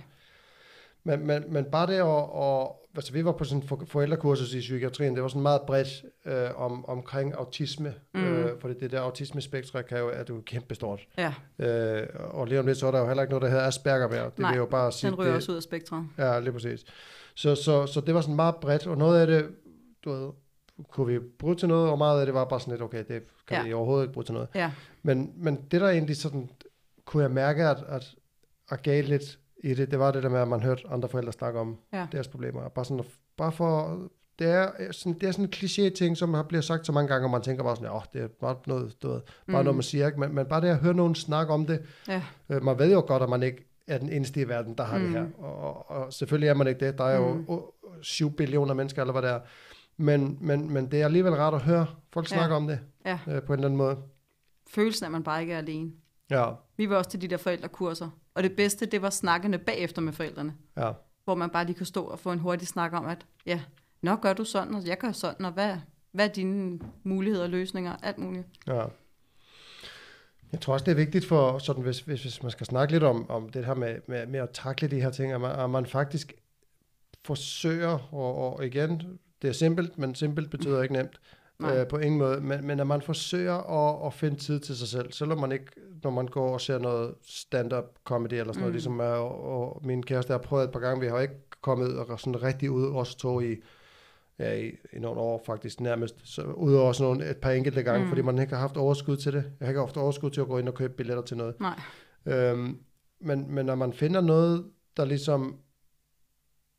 Altså, jeg har, jeg har prøvet at gribe fat i rigtig mange ting. Mm. Mm. Øh, og for dem, der, der kender mig, øh, de vil jo nok sige, at jeg har hele tiden gang i noget. Jeg er mm. altid i gang, og jeg har hele tiden noget nyt, og noget spændende, der skal prøves og sådan noget. Og, og det er jo dels fordi, at jeg synes, livet er virkelig spændende, og der ja. Er så mange spændende ting. Jeg, jeg, kan, jeg kan slet ikke øh, styre mig selv, når det kommer til at prøve noget, jeg synes, det er spændende. Jeg skal bare prøve det. Ja. Men, men det har også været en, en, en strategi for ligesom at, at ikke at skulle sidde i det her hele tiden. Mm. Øh, ligesom jeg begyndte at gå til noget kampsport, sådan noget brasiliansk jiu-jitsu, der var mm. Det også bare, det er jo, selvom det er træning, så er det stadigvæk en kamp om liv og død. Ja. Og når du ligger i det, og der er en eller anden, der prøver at kvæle dig, indtil du bliver bevidstløs, Så er du bare til stede. så er man til stede nemlig. Ja. Det er sådan noget forced mindfulness. Ja. Øh, og, og det virkede rigtig fint. Det var sådan noget, du ved, lidt coping mechanism Mm. mm. måske, men, men jeg tror, det er vigtigt for, for folk derude at, at lige huske på, at altså, man må gerne. Mm. Altså selvom, selvom man både skal og rigtig gerne vil være der for sine børn og hjælpe dem og sådan noget, så skal man også være der for sig selv. Ja. Fordi jeg, jeg er ikke noget værd for nogen. Hvis, Nej. ikke, altså hvis, hvis, jeg, hvis jeg går ned med stress, hvor- hvordan skal jeg så hjælpe nogen Ja. med noget som helst? Lidt ligesom masken i flyet. Du skal huske den selv først, før du kan give dine børn den. Ja, lige præcis. Men følelsen, som du siger, ved at have noget for sig selv, den, det, var, det er svært at være i til at starte med. Ja. ja Fordi hvordan kunne jeg have det sjovt, hvis min søn havde det så dårligt? Ja. Hvordan kunne jeg tillade mig det? ja, og også det der med, at når man faktisk har det sjovt, så kommer der jo bare en dårlig samvittighed. Ja, det gør der. Hvorfor er jeg ikke hjemme og, og i Ja. gang med at google et eller andet, eller gøre et eller andet? Ja, Øhm, hele tiden. ja. Og jeg var jo ikke sammen med faren til min søn. Og det synes jeg også var endnu sværere. Så jeg følte jo, at jeg skulle være der 200% hver dag. ja. For han var jo kun hos sin far hver anden weekend. Så jeg skulle kompensere for, at han heller ikke var der ved at være begge forældre. Ja. Så i hverdagen var der ikke tid til at gå ud. For jeg synes, jeg skulle være hjemme hos ham. Mm-hmm. Selvom jeg boede sammen med en kæreste. Det var mit ansvar. Ja. Ja. Jeg ved ikke. Og det er ikke Ja. for at sige, at det er nemmere, hvis man bor sammen med den anden. Det var bare min oplevelse lige der. Ja, ja, altså, jeg, jeg, jeg ved ikke, øhm, som sagt, vi, vi boede jo sammen, men altså, om det var bedre eller værre, det har jeg jo ingen anelse om. Mm, mm, mm. Øh, fordi at det var stadigvæk fucking hårdt. Ja.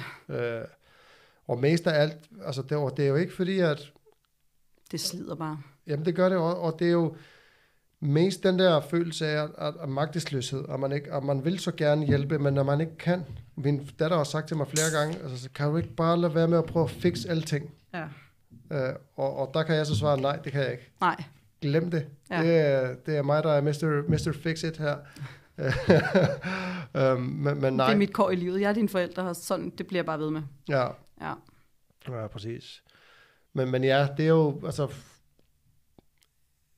jeg kunne også godt blive lidt nervøs for, at hvis der for eksempel er nogle børn, der har de her problemer, der mm. lytter til det her, at de måske kunne begynde at få lidt dårlig samvittighed, og er det sådan, jeg påvirker mine forældre? Mm. Det, det kan jeg ikke lade være med at tænke på, kan jeg mærke. Nej. Og jeg ved også, det har været rigtig hårdt for Oliver. Han kiggede nogle gange på mig, og så sagde han, jeg gør dig så ked af det, mor. Ja, Og det måtte jeg jo sige til ham, det er rigtigt, jeg blev rigtig, rigtig ked af det, men det var fordi, han ikke havde det godt. ja, Så i bund og grund var det jo ikke på grund af, at han var, som han var. Det var fordi, han havde det så skidt, at jeg ikke kunne hjælpe ham. ja, det var det. Jeg tror også, det er meget vigtigt at huske på også, altså specielt hvis man er i, et parforhold, øhm, og det er noget, jeg har, jeg har forsøgt at huske på det, ikke? Som igen, simpelt, det er ikke nemt. Mm-mm. Øhm, men, men det der med, at, at når, når min kæreste for eksempel, hvis hun er frustreret Mm. og sur eller et eller andet, så skal man huske, det er ikke mig, hun er sur på. Mm. Det er jo Mm. situationen. Øh, og, og sådan har jeg også haft det. Man, man, man bliver jo, der skal nogle gange ikke, ikke meget for at vælte ens, ens humør, Nej. øh, så at sige. Og, og der er det også bare det der med, at altså, og også prøve at huske på, det er ikke min partner eller mit barn, jeg er sur på. Jeg er bare sur på situationen, Ja. vi står i. Og det, og det er jo fordi, at man ikke er ligeglad. Mm. Så var jeg ligeglad, Ja, så, så var det jo bare sådan, det var. Og så Ja. ja. vil man jo bare, øh, hvad skal man sige, jeg være ligeglad. Mm. Men, øhm, men ja, så husk at tage noget tid for dig selv derude. Hvis, ja, lige præcis. ja, Og uden dårlig samvittighed, hvis man kan have det. ja. Hvad tænker du øh, sådan med Born? Du, jeg synes, at, jeg kan ikke huske, om det var dig, der sagde det til mig, eller om det var din bror. Mm. Øh, du, du har jo planer om at gå og, og måske at lave nogle foredrag om bogen, eller ud fra bogen. Ja, jeg synes, det kunne være rigtig spændende at komme ud til folk. Ja, Så det er bare med det, ligesom vi snakker om med bogen, hvorfor har jeg skrevet bogen? Det er for at komme ud og fortælle, at man ikke er alene om det her. Og for at åbne op for det her, for det her emne. ja. Jeg manglede selv noget at hive fat i, da jeg stod der. ja, Så hvis jeg kunne komme ud og snakke med nogen og bare fortælle, at det skal nok gå. Ja. Velvidende om, at alle familier er forskellige, og alle børn med autisme eller med Aspergers er forskellige. Det ved jeg godt. Mm. Men bare når vi to sidder og snakker, så kan vi godt høre, at der er nogle ligheder med vores børn også. ja. Ligesom der nogle gange generelt er med normale børn. Ja.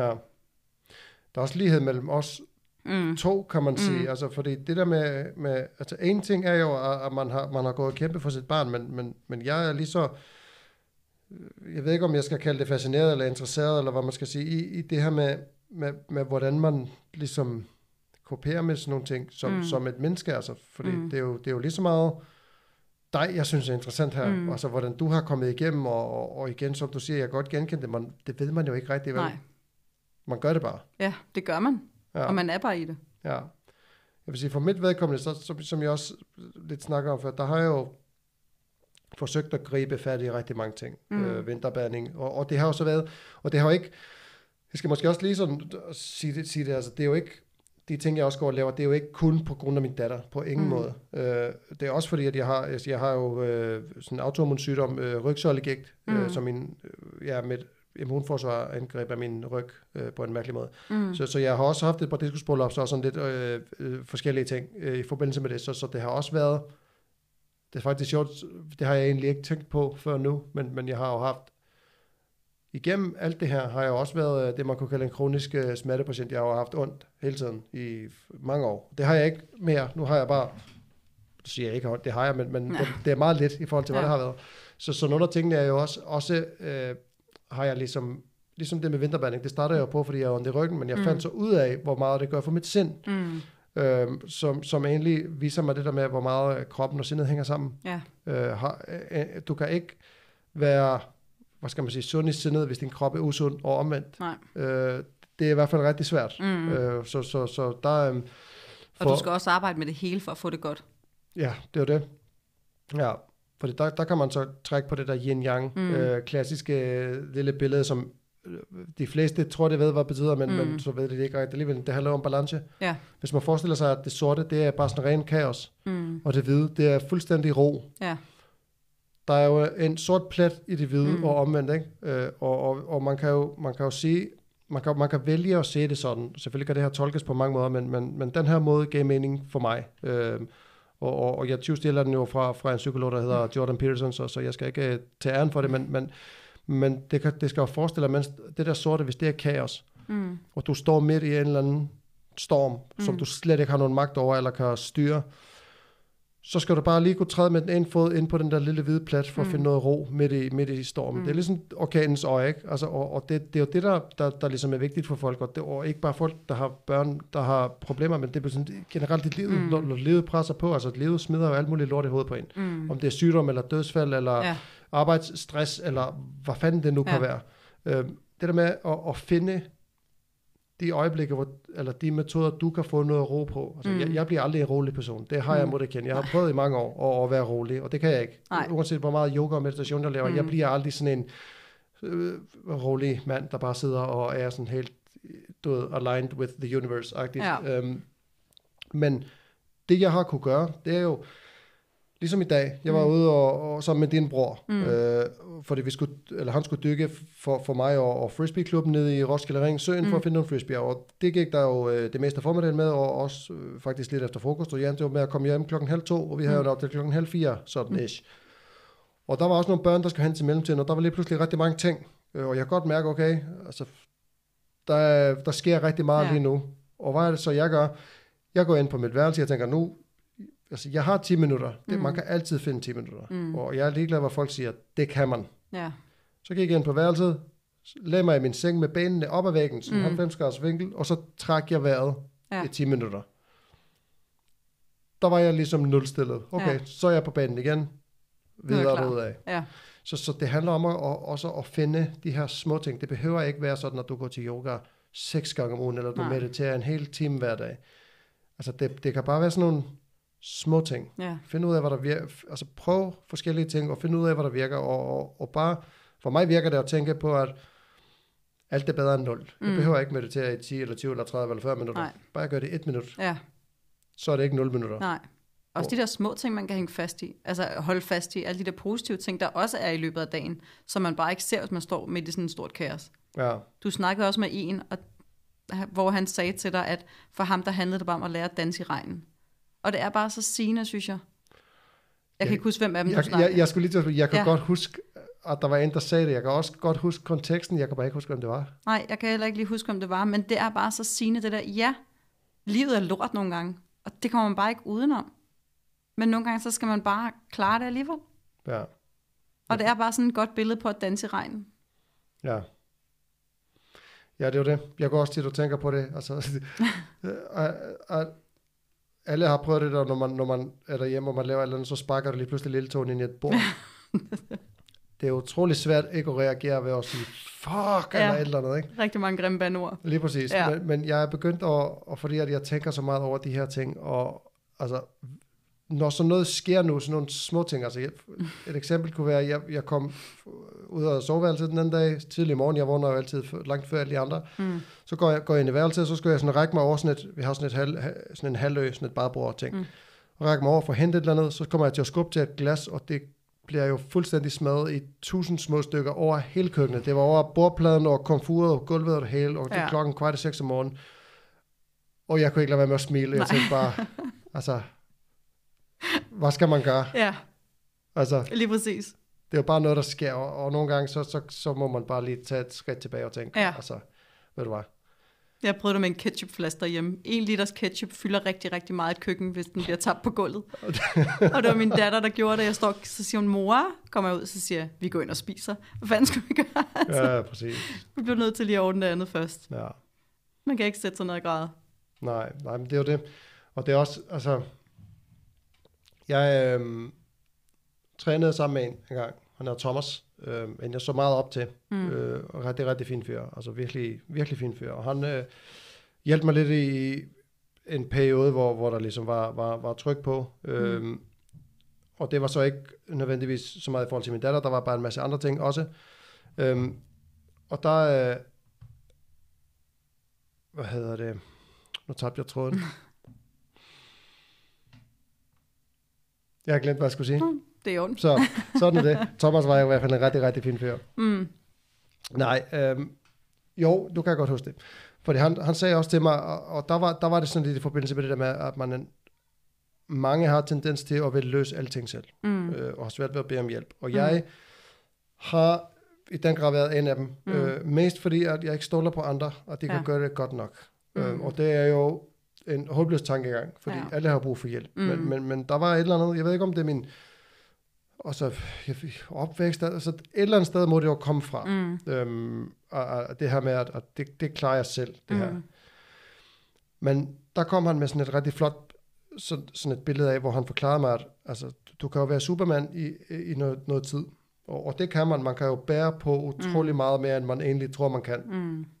Op til en vis grad. Fordi du har, hvis, han, han beskrev det sådan, at du har jo den her Superman-dragt på, og så klarer du jo ligesom det hele, og du Mm. løser alle andres problemer, og du er klippen i deres, Ja. alle deres liv og alt det her. Men, men sådan hen ad vejen, der, der får din kappe og, og det tøj sådan lige fat i et, et søm der, og et træ Mm. der, og, og så lige pludselig så sidder du ved køkkenbordet, og sådan, du ved, din, din Superman-dragt, den er jo helt, du ved, ja. der er mange huller i, og, og, og, og, så, og man sidder der som sådan en lidt patetisk udgave af, af en Superman, der bare tror, man kan det hele, fordi man ikke bare har spurgt om hjælp. Ja. Og, og det øhm, satte altså virkelig, det, det er nogle år siden nu, men det satte virkelig i gang i, i, i mine tanker, og det her Mm. med, at, at altså, der er jo heller ikke nogen skam i at bede om hjælp. Der er Nej. ikke nogen skam i at tage fat i en psykolog for eksempel, Nej. eller en psykoterapeut, eller, eller hvem det nu er, du har brug for Ja. at snakke med, eller hvad du har brug for at gøre. Mm. Øhm, og, Jeg har bare tit tænkt, at jeg ikke ville belemre andre med mine problemer, for de havde nok i sig selv. jamen, Og jeg var jo altid klippen, folk kunne komme til. Jamen det, det er faktisk også sådan, det er fuldstændig samme tanke, Ja. ja. jeg har haft. Øh, Hvorfor øhm, skulle de hjælpe mig? Jeg kan sagtens klare mig selv. Og det kunne jeg jo også godt rigtig langt hen ad vejen. Ja, Men jeg kunne godt se, at så begyndte at gå ind i nogle mønstre, hvor jeg tænkte, okay, det er ikke så smart, jeg må lave det om. ja, Mm, Ja, men livet er sgu bare fedt, når man er sammen, når man deles om det. ja. Det fandt jeg bare ud af. Lige så stor glæde, jeg havde ved at hjælpe andre, lige så stor glæde følte de jo også ved at hjælpe mig. Jeg lod dem bare aldrig gøre det. Ja. Og jeg vidste jo godt, at jeg altid rejste mig igen, for jeg har fået rigtig mange slag, men jeg klarede det jo. Ja, det er det. Men som du siger, det er et meget fint billede, det der. Ja, fordi selvfølgelig kommer der revner i ens kappe til sidst. Ja. Men bare da du sagde til ting, så syr jeg da bare en ny. Altså allerede der, men... Ja, ja, ja. Jamen, jeg kan godt følge dig. Øh, og det er heller ikke en tankegang, jeg slipper. Og jeg, og, altså, jeg vil så sige, altså jeg er blevet bedre til at bede om hjælp. Mm. Øhm, det er ikke dermed sagt, at jeg er god til det. Nej, jeg er bare blevet vi bedre. øver os. Ja, det er det. Men, men, men det er jo også, som du siger, altså, og som vi også snakker om før, det her med, at andre har også deres problemer. Mm. Øhm, og, og, og man ved jo selv, når man har problemer, og der er nogen, der kommer til en, og man gerne vil hjælpe, Mm. så er det bare endnu et problem for mig. Ja. Øhm, og sådan, så, som du meget rigtigt siger, det der med, og så tænker man jo, at altså, jeg skal jo heller ikke lægge for meget på mm. dem. Øh, ligesom når min mor var syg. Min mor har Ja. jo altid været hende, jeg ringer til, når, når jeg virkelig sådan skal have, skulle træffe store beslutninger eller et eller andet, så, så Mm. har jeg tit ringet til min mor, bare lige for at høre, fordi Mm. min mor, hun, hun er ikke bange for at, at, at, at ligesom sige tingene, som det er. Ja. Mm. Men, men, men der kunne jeg jo ikke, det kunne jeg jo ikke, fordi Nej. hun, der havde hun faktisk nok, og, og det fortryder jeg faktisk ikke, at jeg ikke gjorde, men, Mm. men, men, men måske lidt alligevel, Mm. fordi at, øhm, ja, jeg ved det ikke. Måske havde hun også brug for en pause i at tænke på al hendes sygdom. Det var det. Det var også det, jeg tænkte. Det er også derfor, man ikke... Mm. Ja, ja, jamen, det har du ret i. Så ja, det er, det er at være menneske, det er sgu ikke nemt. Nej, det er det. Men apropos, som vi startede med at snakke om det der introverte ekstroverte. Jeg har altid været den ekstroverte. Jeg har altid været hende, der holdt festen i gang. Altid hende, man kunne sætte ved siden af hvem som helst, for jeg skulle nok køre samtalen.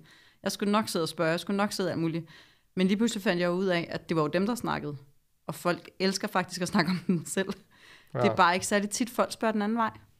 Og lige pludselig fandt jeg bare ud af, hvor lidt folk spørger. Og det var jo der, hvor jeg også begyndte at tænke, jeg passer bare mig selv, fordi du er alligevel ikke interesseret, som du, vi startede med at sige det der. Hvordan går det? Fint. Ja, Men dermed ikke sagt, sådan er alle mennesker ikke. Så finder man de rigtige og de gode mennesker, så er der rigtig mange gode mennesker derude. ja. Jamen, det er der. Øhm, ja, som du siger, man skal bare, man skal bare finde det rigtige. Mm. Og det kan jo være svært, øh, hvis, hvis ikke umuligt nogle gange, men, mm. men, men, men det kan jo ske. Men man forstærker bare den rolle, man selv har sat sig i, og som andre har sat sig i, eller har sat mig i. Ja, Med bare være hende, der har styr på det hele. Og det havde jeg jo også. ja.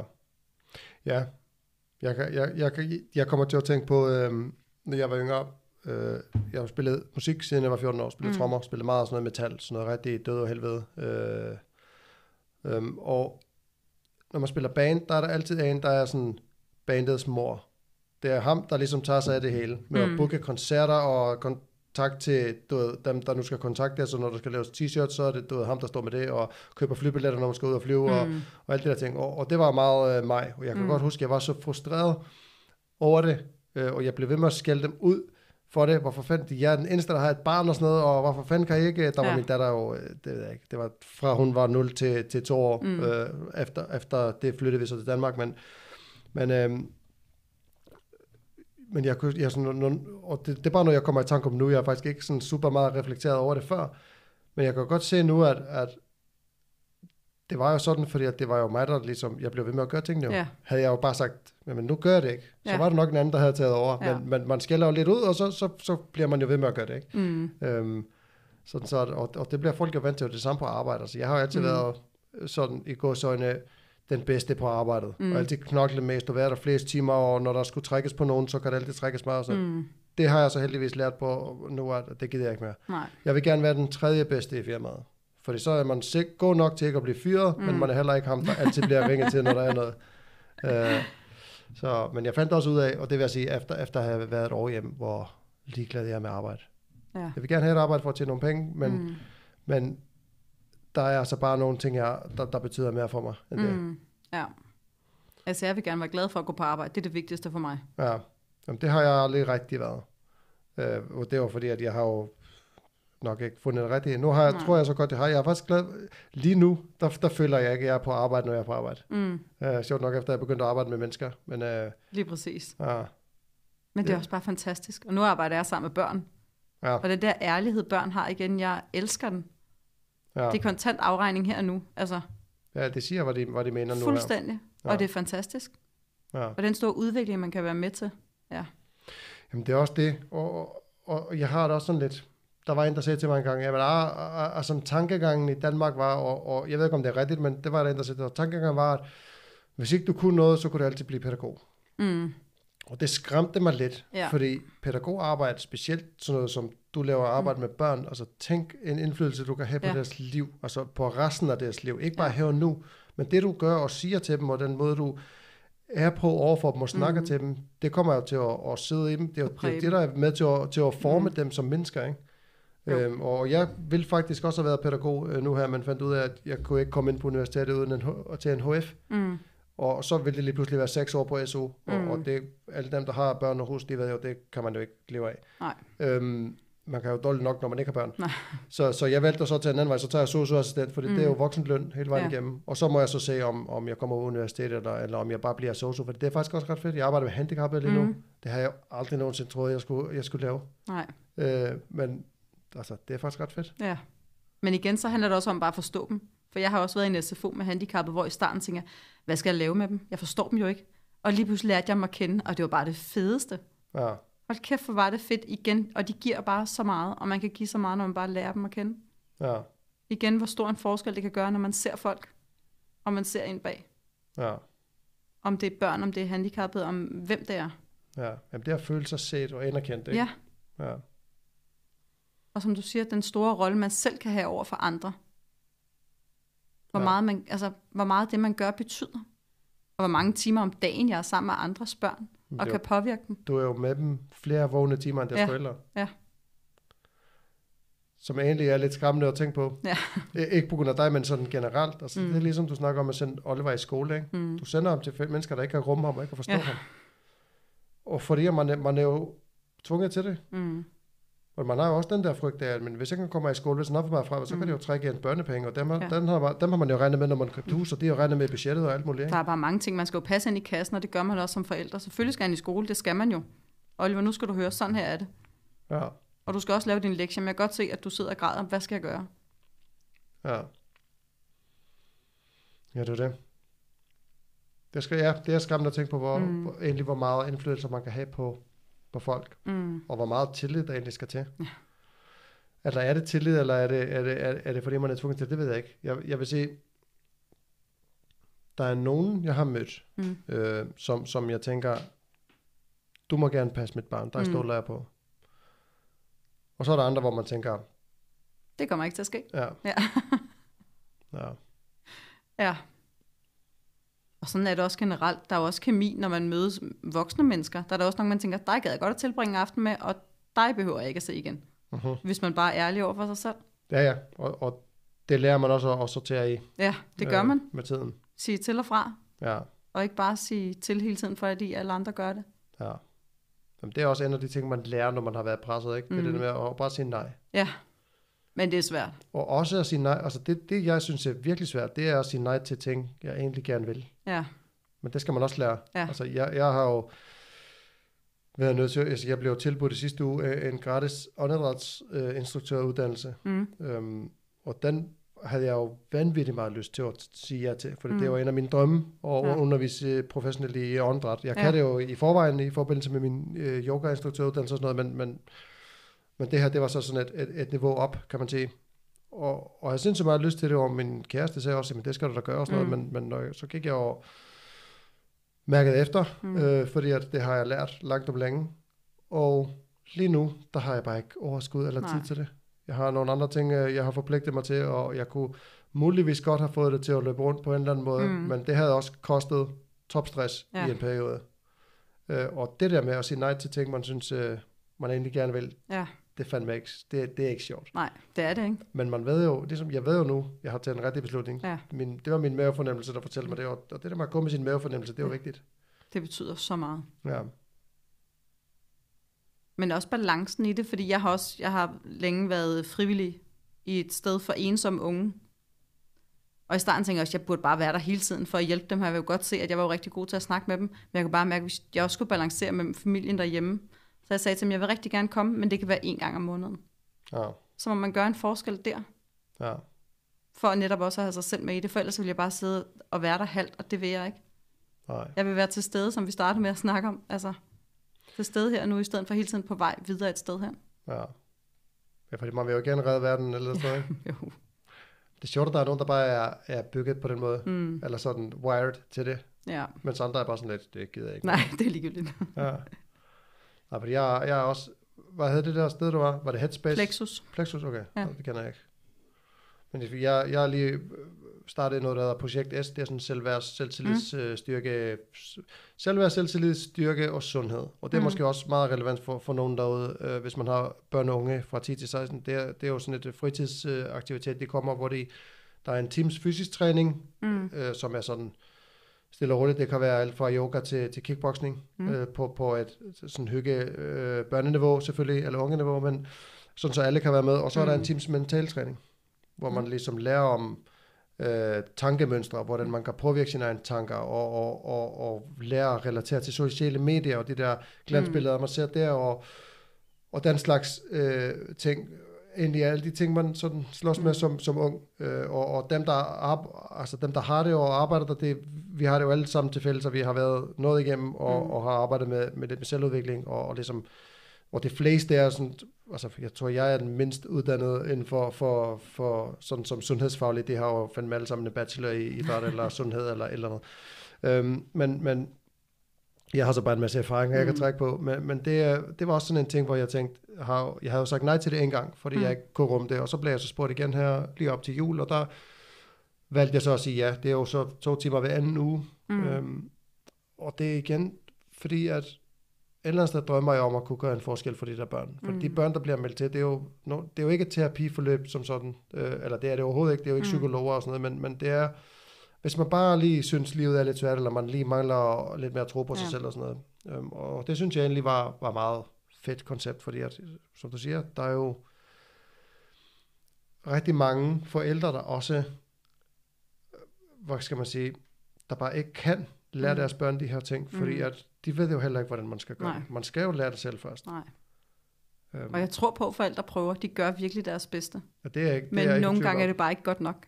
Nej, Det bliver man også bare nødt til at erkende. Og nogle gange så er det det forkerte, man gør. Og, og som vi begge to har sagt, man famler lidt i blinde. Man ved ikke, hvad der er godt nok, og man ved ikke, hvad man skal gøre. nej. Og nogle gange, hvis der kommer nogle andre ind, så tror jeg også, de kan gøre noget andet. Som du siger, det der med, at du synes også, det er vigtigt at vise din datter, at man skal være social nogle gange. Forældre kan ikke gøre alt. Nogle gange tror jeg også, der skal nogle personer udefra, der kan give noget andet. Ja. Ja, fordi børnene, de, de giver jo heller ikke altid høre på mor eller far. Nej. Lige præcis. Altså, jeg kan sige en ting til min datter, hvor hun tænker, hold din kæft. Ja, Og så er der en anden udefra, der siger det, og så giver det total mening. ja, ja lige præcis. Ja. Du skulle jo bare have sagt sådan. Men det gjorde jeg jo også, gjorde jeg ikke? Altså, Ja. ja. Det gjorde man også, men, Ja. men det er far, der siger det, så er det Ja. ikke, øh, ikke det samme. jeg kan også huske lige, da Oliver havde det rigtig skidt, så sagde jeg, som, er det fordi, at fordi han har jo været igennem alt muligt også og sådan noget, så siger, er det fordi mig og far er gået fra hinanden? Jeg prøvede jo at gætte på alle de der ting. Er det fordi far har drukket meget? For det havde, den fortid havde vi jo også med ind i. Jeg prøvede at gætte på alt det der, men du forstår det ikke, mor. Du forstår mig bare ikke. Og han havde jo ret lidt af, jeg forstod ham ikke. Men jeg prøvede, Ja. og det er jo det, man gør. Man gætter jo tit. Øhm, ja. Ja. Man, ja, man kan jo, man kan jo, og man bliver jo et eller andet sted ved, og det kan jo Mm. godt irritere dem også. Mm, Ah, men, men altså, hvad skal man, altså, Ja. hvad skal man gøre? ja. Kan man Men sige. det gør man jo også med mennesker. Du sagde også før med din kæreste, du når nogle gange at have en diskussion, inden hun kommer hjem. For du gætter på, hvad hun vil sige, og hvad hun vil svare. Ja, Det gør man jo generelt. ja, Og vi har også begge to en forudagelse om, nogle gange, når, vi, når folk spørger, hvordan går det, så vil de bare høre fint. Og ja, så giver man dem et fint. ja. Jeg, jeg har også tit tænkt på, altså, hvordan vil verden være, hvis alle bare svarede ærligt, når Ja. der bliver spurgt, Ej, hvordan kunne går det ikke være fedt? Ja. Jeg synes, det kunne være ret fedt. Ja. Lidt en omvæltning til at starte med, men alligevel. Jeg tror, så vil man jo få snakket, fordi det er det, som mange også bare har brug for. Ja, Bare få sagt tingene højt. ja. Jeg er begyndt faktisk, når jeg ser folk, for jeg lagde mærke til, hvad spørger man tit om? Hvad arbejder du med? Hvad har du af familie? Og jeg tænker, så tit så tillægger jeg dem, hvad vi skal snakke om. Så jeg er begyndt at spørge folk fem ting om dig, jeg ikke ved. Ja, Og det er mega fedt, og det er de fedeste ting, der kommer ud af det. Fem ting om mig. Ja, hvad skal jeg tage fat i? Og nogle gange får jeg deres livret at vide, eller hvad for en bog, de har læst, eller om et eller andet helt sindssygt spændende, altså, hvor man bare får at vide, hvem de er, ja, i stedet for bare, hvad de arbejder med, ja, eller hvem de har derhjemme. ja. Det er også sjovt at tænke på, at det er jo, det er jo sådan, der bliver målt og bare. Det har jeg tænkt på øh, rigtig meget faktisk. At jeg læste sådan et citat engang, øh, hvor der var sådan noget, det lød nogenlunde, at folk spørger, hvad du arbejder med, for at vide, hvor meget respekt de skal give dig. Ja. Øh, fordi man bliver jo målt og vejet i penge tit, Ja, i hvert fald. ja. Jeg gjorde det nemlig, og det, er sjovt, du siger det der, fordi det minder mig om, det gjorde jeg faktisk i, i en periode, øh, i, i et år eller sådan noget, tror jeg, jeg nåede at holde den kørende, netop for ikke at spørge, men hvad laver du? Ja, Så spurgte jeg altid, det var, mit, det var som et, mit sådan indledende spørgsmål, hvorfor noget musik kan du lide? ja, Fordi at jeg er jo vild med musik, og ja. Jeg kan snakke om musik i, du ved, evigheder, ikke? mm. Og det var også bare sådan et forsøg på at bryde det der mønster, for ja. Ja. jeg er jo egentlig ligeglad, hvad folk arbejder med. ja, lige præcis. Det er man jo. Ja, Man vil bare gerne vide, hvad mennesket bag er. ja, Og det er også det, nogle af de der podcasts, jeg har hørt, som du har lavet, det der med, når du snakker med folk, der brænder. Det er jo mega fedt at komme ind bag ved dem, eller få en historie bag mennesket, som Ja. ikke bare er. Du snakker med, hvad hedder han, Martin, der er der 1% er nok, eller sådan noget. ja lige præcis. hvor han Martin Andersen, fortæller ja. om sin fortid og sådan noget. Jeg tænker, lige præcis derfor brænder han for sit arbejde. Derfor Ja. er han interessant, fordi han har en historie at fortælle, derfor kan han hjælpe andre mennesker. Ja. Eller ham, hvad hedder han, Christian, ham præsten. ja, Også bare vildt interessant, hvor jeg tænker, ser du sådan på det? Altså, ja, og det vil man jo aldrig tænke, hvis jeg bare så ham stå og prædike. nej. Og det, skal, det er ikke fordi, jeg er kristen, det var bare interessant, det du snakkede med ham om, og den måde, han fortalte. Ja, og det, det var, en, det var en, øh, en svær snak for mig, fordi jeg er jo ikke troende. Nej. Jeg, jeg ser mig selv ikke, selv ikke som, som kristen. Mm. Øhm, jeg har identificeret mig egentlig ikke med, med, med nogen form for Nej. religion. Jeg har, øh, hvis det skulle være noget, så skulle det være sådan en asertro, men ikke fordi, at, at jeg tror på Thor og Odin og sådan noget, men, men fordi, at asertroen, den handler meget om det der med, at du skal egentlig bare have respekt for, for, for liv. Mm. Mm. Om det er et menneske, eller en sommerfugl, eller noget græs, eller mm. hvad det Mm. nu kan være. Man skal bare have respekt for alt det, der er omkring en. Mm, mm, Øhm, og, og den snak med ham var, var sådan lidt svær, fordi jeg havde, sådan, jeg havde lyst til at, til at lige, netop høre lidt om ham. mm. Fordi jeg kan også godt se, at han er sådan en præst, der går i læderbukser og, og kører motorcykel og sådan noget. Jeg tænkte, okay, det er en ret mærkelig type egentlig. Ja. Og han er sådan lokal herude, så, så jeg tænkte, at lad os prøve at snakke med ham, og, og det var faktisk ret sjovt, men, men, men når han så begynder at snakke om sådan noget med, med Jesus og, og Gud ja. Og kærlighed og sådan noget, det, der, der får, fik jeg sådan lidt lyst til at sådan, okay, altså, så, så, så tager vi lige den diskussion, men, men det vil jeg så ikke, fordi at jeg ville jo egentlig ikke diskutere religion med. Nej. Jeg ville vide, hvem han var. ja. Øhm, så det er også... Øhm, Og som han selv siger, nu kan jeg ikke huske det ordret, men hvor han siger, jeg gider ikke være sådan en kedelig en, der står deroppe og fortæller. nej, Fordi at der var en, der sagde, skal du ikke være præst? Hvor det var hans svar, hvor jeg tænkte, ja, netop, han vil ikke være sådan en kedelig en. Han vil gerne inspirere folk. Om han så tror på noget andet, end jeg tror på, for eksempel, det er så være, hvad det være vil. Det var bare spændende at høre om mennesket. Og Ja. ikke bare om, at han var præst. ja, lige præcis. Hvad tror du på, hvis jeg må spørge? Ikke rigtig noget. Nej, altså, ja. Jeg tror på det gode i mennesket, tror jeg. Jeg tror på, at man skal være god ved alt det omkring os, og have en respekt. Ja. Ja, um, ja lidt ligesom du sagde. jeg tro, det passer mig meget godt, fordi Ja, eller nogle af inden for buddhisme, den der ro. ja, øhm, ja. det er ligesom jeg sagde til, til Christian Præsten, altså jeg har jo bare egentlig gået og plukket de ting, jeg synes giver mening. mm, lige præcis. Jeg kan godt lide nogle ting inden for buddhisme, men jeg er ikke buddhist. Nej, sådan har jeg det Mm. også. Og jeg kan også for den sags skyld godt lide nogle af de kristne ting. Der er jo mm. Altså ligesom de der 10, øh, hvad, hvad er det, det hedder på, på dansk, de 10 gyldne regler, eller hvad, hvad kalder man det? De 10 bud, eller De 10 bud, ja. janteloven, eller... Det er Ja. ja. de, de 10 bud. Der mm. er det, Mm. jo, det er jo sådan helt basale ting som, du skal ikke stjæle for folk, mm. Og du skal ikke slå en mand ihjel. Og det var sådan et, ja, selvfølgelig. ja, præcis. så, så, så selvfølgelig er der, der, er jo, der er jo gode ting i alt, kan man sige. Mm. Øhm, men, men ja, og det er også det, der er så fedt ved at lave sådan en podcast, fordi for, det er jo mest for at tilfredsstille min egen nysgerrighed. Mm, Og, og ligesom også, fordi jeg prøver altid at have det mindset, at alle kan lære mig noget. ja, Altså, jeg har meget at, at give fra mig, men, men jeg har endnu mere, jeg skal have lært. mm, Øhm, og jeg vil gerne, hvad skal man sige, forsøge at, at samle på ting, som, som mm. Mm. andre så også kan lære noget af. For mm. det er Mm. også sådan, jeg har fundet min vej i livet, ikke? Altså, mm. Mm. det er jo, altså, der mangler jo også i den grad noget vejledning i, i livet generelt. Mm. Altså, i, ligesom i, man, man, man tænker på sådan nogle stammer, du ved, indianerstammer og sådan noget, så har det sådan nogle overgangsritualer, for eksempel.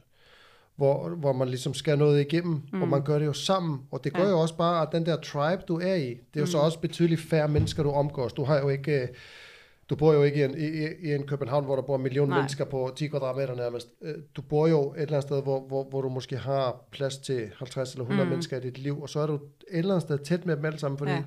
I en del af, den, del af det samme, og I Ja. arbejder jo alle sammen for at, at ligesom at holde gang i altså jeres liv. Altså finde Ja. noget, der skal jo findes noget mad, der skal bygges ja. Nogle hus, der skal være noget... være en del af det samfund, der eksisterer der. Lige præcis. Ja. Og så, så har man en eller anden sådan symbiose, og, og de her overgangsritualer at gå fra ung til, til, til voksen, mm. for eksempel.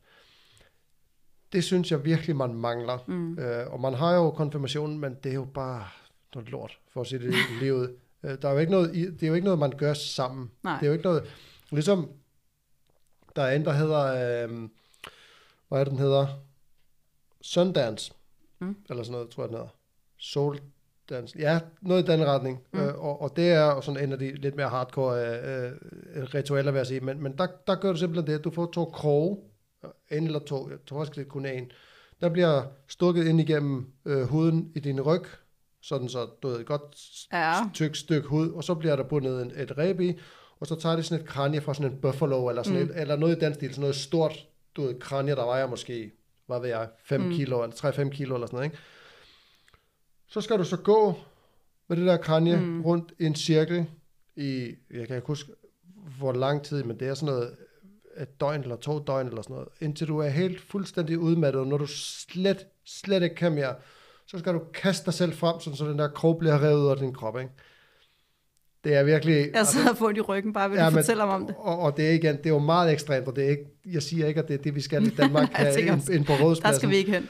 Men det, der bare sker ved, at alle drengene i den der stamme mm. har været igennem det der, nu, altså nu er du en mand, og så mm. bliver du virkelig accepteret Mm. øh, af, de, de voksne, altså dem, du ser op til. Mm.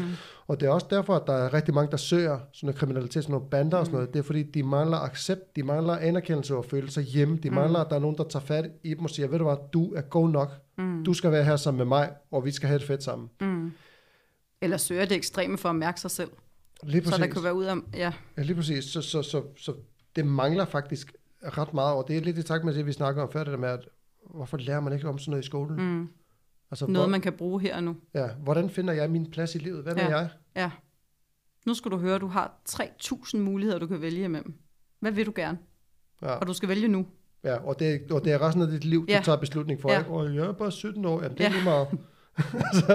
Og du har kun de her klip, du kan bruge i SU-klip. Okay. Ja. Ja. Øhm, ja, og vi forventer faktisk, at du tager et af dem her, fordi de, der er mere prestige. Ja, Ja, eller der- også er der flere penge her. Eller, Ja, du skal helst være ingeniør, for så Ja. kan du tjene rigtig mange penge. ja, ikke? Og eller så, læge eller advokat. Ja, lige præcis. For så er du rigtig, øh, så er du godkendt. Ja. ja, lige præcis. Det er et sjovt samfund, vi har. Jamen, det er det.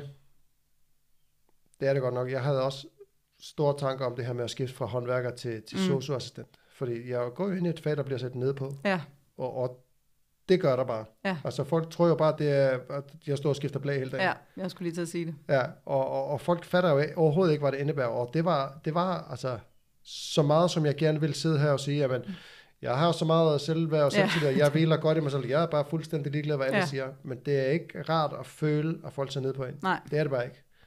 Øhm, og der måtte jeg altså virkelig trække på, jeg ved ikke helt, hvad jeg træk på, men, men altså min erfaring, eller min, jeg ved ikke helt, hvordan jeg skal forklare det, men, men jeg skulle i hvert fald virkelig tænke over tingene og finde Mm. mm. ud af, altså, kan jeg det her? ja, Øhm, fordi at i mit hoved selvfølgelig kan jeg, jeg kan Mm. jo alle ting. Der er jo ikke Ja. noget, jeg ikke kan, indtil jeg finder ud af, at jeg har prøvet det, og det kunne jeg faktisk ikke. nej. Øhm, men, men så, så har jeg så også prøvet det nu, og har været i gang i et stykke tid, og det er faktisk, det er faktisk ret fedt. Ja, Altså det, nu har jeg prøvet at skifte en blæ. ja. Jeg siger ikke, det var sjovt. Ej, jeg skal også sige, det skal man bare overstå. Ja, ja, men, altså. men det, det fylder måske fem minutter Ja, i, i, i, i, i en hverdag, Ja. øh, hvis det kan gøre det, ikke? Øhm, og, og, og det og hvordan jo- vil man selv have det, hvis man lå der, eller en fra ens familie? ja, Ja, vil man så- ikke have en, der blev ja, skiftet med værdighed, hvis man kan sige det? Jo, men også det, at, at det er jo ikke fordi, at altså, det er måske en, der ligger med muskelsvind, mm. og Mm. ikke kan det selv. Ja. Hvor skal han så bare ligge i sin egen lort, indtil han dør? Mm. Altså, og fordi inden for det der fag, der er der jo også rigtig meget i forhold til sådan noget tidlig opsporing, og der er jo, folk har jo forskellige sygdomme og sådan Mm. noget, og der er det også at komme nogle ting i forkøbet, og, og det handler også rigtig meget om, om de sociale ting, og, mm. Mm. og, og så for mig, det, er sådan ret bredt, og der er også forskel på sociohjælper og socioassistent. Mm. Sociohjælperen, det tager halvandet år, og så assistenten, det er jo faktisk fire år. Ja, Øhm, men, men ja, altså, det at skulle ud i sådan noget, ja, jeg ved sgu ikke. man tror ikke, det er, fordi man finder mening i det, man gør. Sådan har jeg det nemlig, fordi i starten tænkte jeg også, at jeg er jo bare pædagog. Folk satte mig hurtigt i den der kasse, de vidste, hvad jeg arbejdede med. De vidste, hvad jeg lavede. Ja. Og nogle gange så udfordrer jeg dem lidt ved at fortælle, hvad, hvad min dag egentlig består af. Og hvor mange forskellige aspekter, jeg ser hos de her børn. Ja. Og hvor vigtigt de år er, som jeg har, hvor jeg har børnene. Ja, det er dig, der opdrager deres børn. Ja, Altså, Og det er de sociale år, jeg har det fra 3 til 6 år, jo, det er jo børnehavealderen. ja. Og så er jeg bare så heldig at gøre det i naturen. Ja, det er, ja, det er sådan ud... Ja, udflytter, bør- ud, Udfly- skov og udflytter børnehave. Yes. Ja, Ej, det er sgu meget fedt. Hvor længe har du været i det? ni år. Wow, okay. Og jeg troede, jeg skulle ind for specialområdet, fordi jeg havde en masse med mig i bagagen, jeg kunne bruge til at hjælpe andre, tænkte jeg. Hmm. Og så var jeg ude og se det her sted med en veninde, skrev, prøv lige at tjekke det ud. Så var jeg ude og se det, tænkte jeg, hmm, der kunne jeg egentlig godt se mig selv. Fordi jeg har det sådan, når jeg skal være et sted, så skal stedet lige så meget tiltale mig. Jeg skal også vælge det til. Ellers så kunne jeg ikke være der 100%. Nej. Så tænker jeg, jeg går lige ud og ser det og mærker efter, og jeg var jo ikke engang færdig som pædagog helt. Jeg havde lige et par måneder tilbage. Jeg var ved at skrive bachelor. Og så kom jeg ud og tænker, her er bare fedt at være. Og så kom jeg hjem, nemlig som du siger, bare mærke efter i maven, og jeg tænkte, okay, jeg skriver sgu ansøgning, for det var sidste ansøgningsfrist den dag der. Så sendte jeg den afsted, og så fik jeg jobbet. Ja. Og så har jeg været der i ni år. ja. Og du er ikke på vej væk? Altså, jeg elsker mit arbejde. Jeg elsker virkelig mit arbejde. Øhm, men igen, så tænker jeg, den der trang til at hjælpe nogen, Ja. øhm, den spiller også ind. Så hvis jeg kunne gøre det ved at holde foredrag om aftenen, så ville jeg elske bare at være der, hvor jeg er nu, ja. i dagtimerne. ja. Har du forberedt noget sådan i for- forbindelse med dit foredrag? Har du øvet dig på nogen? Nej, slet ikke. Det er første gang, jeg snakker om min bog, det er med dig.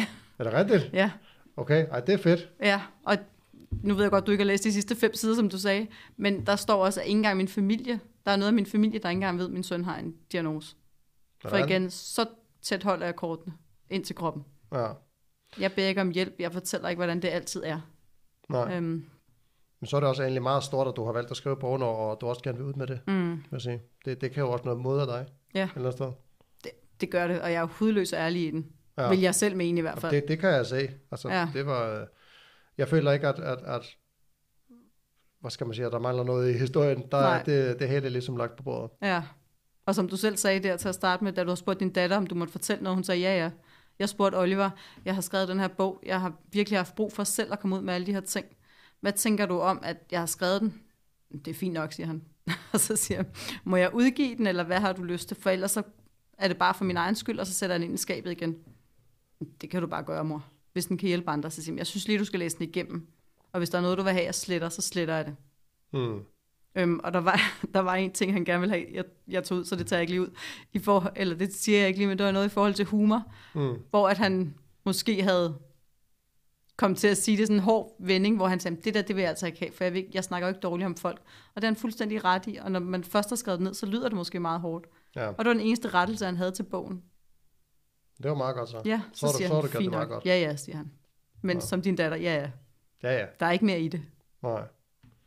Ja, så har du sgu gjort det meget, meget, gjort det meget godt, vil jeg sige. Ja. Men hvad, hvad gør du? Har du sådan, jeg bliver sådan lidt nysgerrig nu, fordi jeg har nemlig også... Øh, altså, jeg har, jo, jeg har jo skrevet rigtig meget selv. Mm. Øhm, eller rigtig meget ved jeg ikke. Jeg, har, jeg gik i gang med en bog sidste år, også mm. Fordi, igen, der var corona, og jeg var hjemme med min datter og alt det her, og, og så begyndte jeg at lave podcast, og, og, Og noget skulle man lave, når man ikke kunne sidde stille. Lige præcis. øhm, så, så jeg begyndte også at skrive nogle ting ned, egentlig, fordi at, øhm, altså, vi havde en, øh, ja, det ved jeg ikke, den historie, jeg kan godt fortælle dig, fordi du siger, at du, du gerne vil, vil, vil ligesom høre noget om mennesket, så, så nu får du også noget, øh, øh, lidt om mig. Kom med det. Øhm, hun havde en, vi fik en nymfeparakit til hende, mm. Fordi de, er sådan, de tilknytter sig meget til mennesker og sådan noget. Mm. Øhm, og så, og vi vidste jo ikke rigtig så meget om øh, den slags fulde, udover det vi havde googlet og læst, og jeg sådan, kunne godt se, at, at det var lige på det niveau, man kunne overskue, fordi større, papegøjer, det er sådan, det kræver virkelig meget mm. Af en, øh, og det kunne jeg godt se, det har vi ikke kompetence til, men nymfeparakitter, det kan man godt klare, mm. Sådan som begynder øh, papegøje. Og vi går ned og køber den her øh, lille fugl, tre måneder gammel, og i vores øjne så den jo fin ud, mm. Øh, og vi tager han med hjem, og, og Kolbun bliver jo meget sådan glad for han hurtigt, og, og, og meget sådan stille og rolig fuld, fløj ikke rigtigt, og var sådan, vi tænkte, hun er ung, hun har måske bare ikke lært det endnu, og, mm. Og sådan, og så gik der jo, øh, det ved jeg ikke, jeg kan ikke huske, hvor lang tid det var, halvanden, to måneder eller sådan noget, og de nåede jo at være, blive så gode venner, øh, min datter og den her fugl, at, at hver gang, altså hele tiden sad fuglen jo på hende, mm. Øh, og, og sådan nussede, og, og mens hun så fjernsyn eller spillede, eller hvad det nu var, ikke? Og så lige pludselig, så, så sidder jeg nede nu, når jeg er ved at spille noget Uno med min yngste, og så kan jeg bare høre min datter, hun kalder. Hun kalder, far, kom hurtigt. Og jeg tænker bare, okay, der er et eller andet galt. Jeg kan bare sådan høre det i hendes stemme. Mm. Mm. Og jeg løber op, der står hun inde på badeværelset med fuglen i hånden, og så siger hun, hun sådan besvimede, hun bevæger sig ikke, og hun havde prøvet at sætte noget vand i hovedet på hende, for at se, om det ligesom Ja. hjælp. Og, og jeg kunne godt se, okay, der, det, det er ret meget galt det her. Så, så jeg skynder mig jo ned og, og ringer til en dyrlæge, vi kender, og hun havde ikke så meget forstand på fugle, og så øh, kunne man godt se, at hun bevægede sig lidt, og så lige pludselig, så, så er den der fugl jo bare død. Mm. Det skete på, de ved ikke, 6-7 minutter eller sådan noget, Mm. ikke?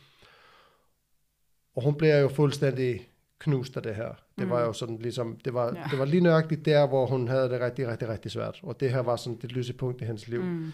Øhm, og jeg, altså, jeg kunne jo se sådan panikken i hendes øjne, og, og du ved, hun blev så ked af det, og jeg blev så ked af det, fordi jeg har jo, for, for mange år siden, der, der, der fandt jeg min øh, brors søn, Mm. mm. treårig, øh, druknet i en pool, og hæv ham op, og du ved, han var, vi kunne ikke redde ham. Mm. Øhm, og hele situationen omkring den der fugl, den bragte jo bare noget mm. af Mm. det der tilbage. Det var ikke så meget, altså et, et, en fugl og et, et barn er jo ikke det samme, Mm. det er jeg jo godt klar over, men, men, men situationen var jo den samme. Ja. Altså jeg kunne se panikken i min datters øjne, det var den samme som i min brors øjne dengang. Ja. Øhm, og, og jeg blev simpelthen, altså der blev jeg virkelig vendt på hovedet, fordi at, der kunne jeg godt mærke, okay, der er faktisk noget fra min fortid, Ja. ja. som jeg ikke har, har bearbejdet endnu. Øhm, og det var så, så dagen efter, der kørte jeg så hjem til en ven, øh, for, for at snakke om noget andet. Jeg kan ikke huske hvorfor. Øh, men, men, men der kom jeg så til at fortælle ham om det her, og der, der kigger han så på mig, og så siger han, at altså, har du overvejet at skrive en bog om, om, om dit liv? Mm. Øh, og, og det havde jeg sådan set ikke, øh, før han sagde det, men, men der kørte jeg så hjem, og så skrev jeg den her øh, ligesom episode ned, og mine tanker omkring den, og så begyndte jeg ellers bare at skrive. Ja. Og jeg endte så med, at på en måned skrev jeg 120 sider eller sådan noget. Og, og den har så ligget ret stille siden, og jeg har gjort mig nogle tanker, hvad jeg skal med det og sådan noget, og der skal tilføjes nogle ting, og, Mm. og hvad jeg egentlig skal dele, og hvad jeg ikke skal, Mm. fordi jeg har også lavet øh, ting som, hvad skal man... Hvor, Der ikke skal frem i lyset. Ja, altså, jeg vil jo egentlig gerne, Mm. øh, fordi jeg er lidt, jeg er sådan lidt, jeg, jeg er lidt en åben bog, men, mm. Men jeg har også ligesom en kone og, og nogle børn og et samfund, vi skal passe ind i, Mm. øh, så at sige. Så, så, men, men, men ja, så, så det bliver måske, nu kan jeg ikke huske, hvorfor jeg startede på den her fortælling. Det var noget med at skrive en bog, ikke? Jo. Jo. og, og, så jeg ved ikke, altså, og jeg har sådan gået og tænkt, om, man skulle, øh, om jeg skulle kalde den, hvad jeg skal kalde den, sådan manuel til livet eller sådan noget. Mm. Og, og, det er jo min manual, Mm. øh, hvad der har fungeret for mig, og hvad jeg har prøvet, og hvad der ikke har virket og sådan noget. Mm. Øhm, og og, og øhm, ja, jeg har glemt pointen for lang tid siden, så jeg kan blive ved med at prøve at snakke i cirkler, indtil jeg finder frem til den igen. Men, men, men, øhm, Men er det for, at folk skal få et indblik i dit liv, eller er det for at hjælpe folk? jeg ved det ikke. Det er også derfor, jeg tror, jeg er ikke sikker på, at jeg gider at udgive den. Det er også derfor, jeg over, overvejer lidt om, jeg, om, hvad jeg skal have med i den, og det her skrevet. Fordi for mig var det egentlig bare rigtig godt at få det ud. Ja. Ligesom for dig at skrive Ja. en bog. Og bare få det ud af mit hoved og ned på noget papir. Mm. Og så delvist også fordi, at jeg vil jo gerne, jeg vil et eller andet sted gerne hjælpe folk. Det er jo sådan, at jeg er bare indstillet for, sådan, Ja. ja. fra naturens side, og det er faktisk, altså det er jo, det er jo en stor kvalitet, men det er også en, en rigtig dårlig kvalitet. Jeg skulle da, ja, en hemsko nogle gange for en, så Fuldstændig, fordi Ja. at øhm, nogle gange kan man bare ikke lade være. nej. Øhm, også, også selvom man, man, er- man egentlig burde trække sig, så, Ja. så kan det godt være svært.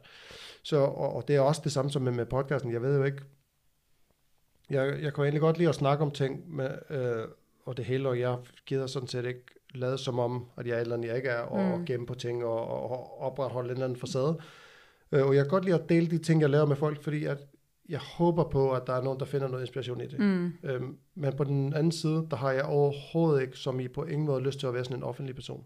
Nej. Mest for øhm, min families skyld. Ja. Øh, fordi at det er jo også, hvad skal man sige, hårdt at, at blotte sig på den måde. Ja. Det tænker jeg også, det må være for dig. Ja, det Også fordi, det som også. du siger, du har holdt kortene tæt på kroppen altid, Ja, og så komme ud med sådan noget her. Det, det er jo angstprovokerende på en eller anden måde. det er det. Helt sikkert. Det har, jamen, det har også været en stor beslutning. Det har været svært, og alligevel synes jeg fandme, det er sejt, jeg har klaret det. Mm. Mm, ja.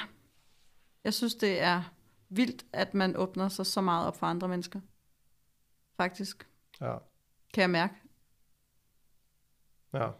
Jeg bliver berørt, når jeg læser andres biografier, hvor de virkelig er ærlige. Mm. Jeg bliver berørt, når folk virkelig fortæller om, hvem de er. Både med de gode og de dårlige sider. Det er der, nogen rører noget i mig. Ja. Jeg har det på samme måde. Det er også derfor, at, at jeg har lyst til at udgive noget. Ja, Øhm, fordi man kan hurtigt spotte det, når folk er falske, ikke Mm. også?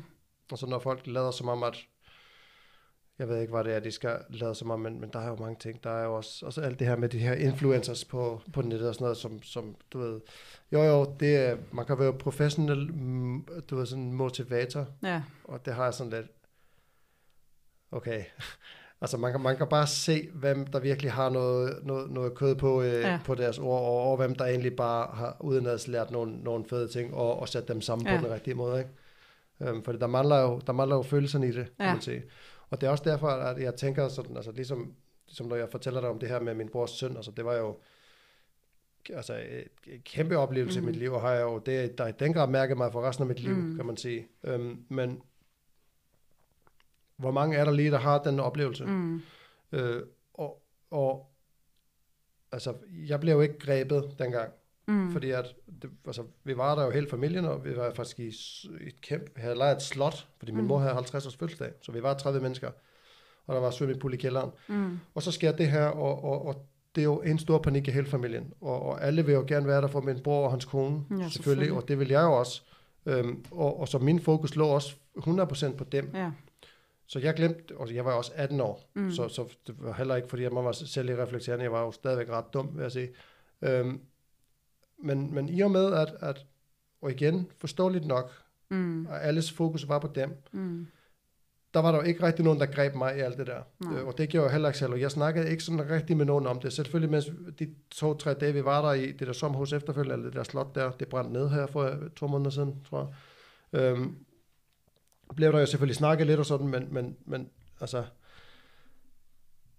efterfølgende, der var der jo ikke rigtig noget. Jeg snakkede aldrig med en psykolog eller Mm. krisepsykolog eller noget, og havde meget rigtig flere måneder bagefter, og, Ja, og han var jo genopstået og var helt blå i hovedet og, og alt det her, og, og, og det jeg sådan tænker, øh, for eksempel med, med at skrive det ned, og for ligesom at komme ud, komme ud, altså der er jo nogen, der oplever sådan nogle ting. mm, Og det er jo Desværre. fuldstændig det samme, som, som du har gjort med den bog her. Det er jo, der er jo ikke alle, der oplever det her. mm, Øh, Det er faktisk som sådan, hvis, hvis man sådan kigger på hele befolkningen, der er der jo ikke ret mange, der er igennem det, du har været igennem. Mm.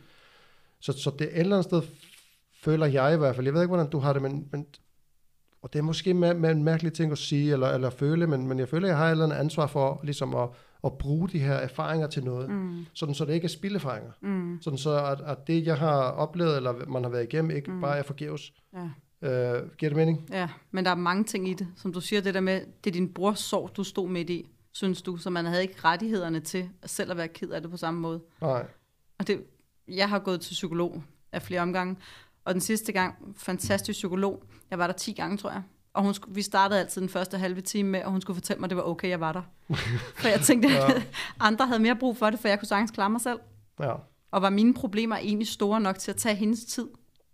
Så hun sad og fortalte mig, Heidi, det er så fint, du er her, og det er rigtig dejligt, og de problemer, du har oplevet, de var faktisk store. Mm. Men jeg tænkte, alle andre, man ser derude, de klarer måske ikke problemer lige så godt som mig. De ender måske som alkoholikere, narkomaner, eller voldsforbrydere, eller hvad de ender som. Ja. Men jeg rejser mig jo altid.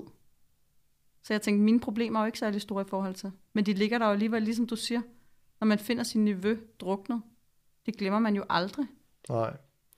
Og man kan jo godt, altså, og det var faktisk det, sådan, jeg, jeg egentlig tænkte med, med at fortælle historien, det var det der med, nu, nu kan jeg godt huske pointen igen, øhm, at, at det der med, at, at, at selvom også man tror, at tingene er begravet et eller andet sted mm. i fortiden, så kommer der sådan noget, en nymfeparakit dør. Mm. Ja, Og jo, det er meget trist for min datter, men, men og, og det var faktisk et rigtig, rigtig dårligt tidspunkt, øh, Mm. at det lige skulle ske der, Mm. fordi hun var også langt nede i forvejen, men, Mm. men, men det river jo i den grad op i noget Ja. fra fortiden, øh, kan, man, kan, kan, kan jeg jo se, mm. Mm. og kunne jeg se klokkeklart det, jeg tænkte, okay, jeg troede faktisk, jeg havde, øh, jeg var over det der. ja.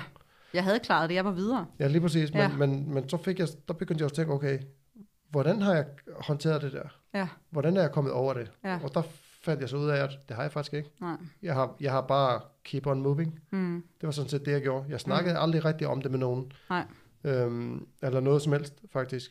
Øh, og og, og, det, det viser mig også bare, at tingene, de indhenter en Mm. til sidst, hvis ikke man får noget hjælp til Ja, at bearbejde ja. dem. Øhm, og, og, og det kan jo godt være, at jeg, at jeg havde kunne holde til det i 10 år til, eller 20 mm. år til, men, men mm. på et eller andet tidspunkt, der er der også bare ting nok i rygsækken, sådan så at, at, at ryggen knækker, mm. øh, så at Mm. sige.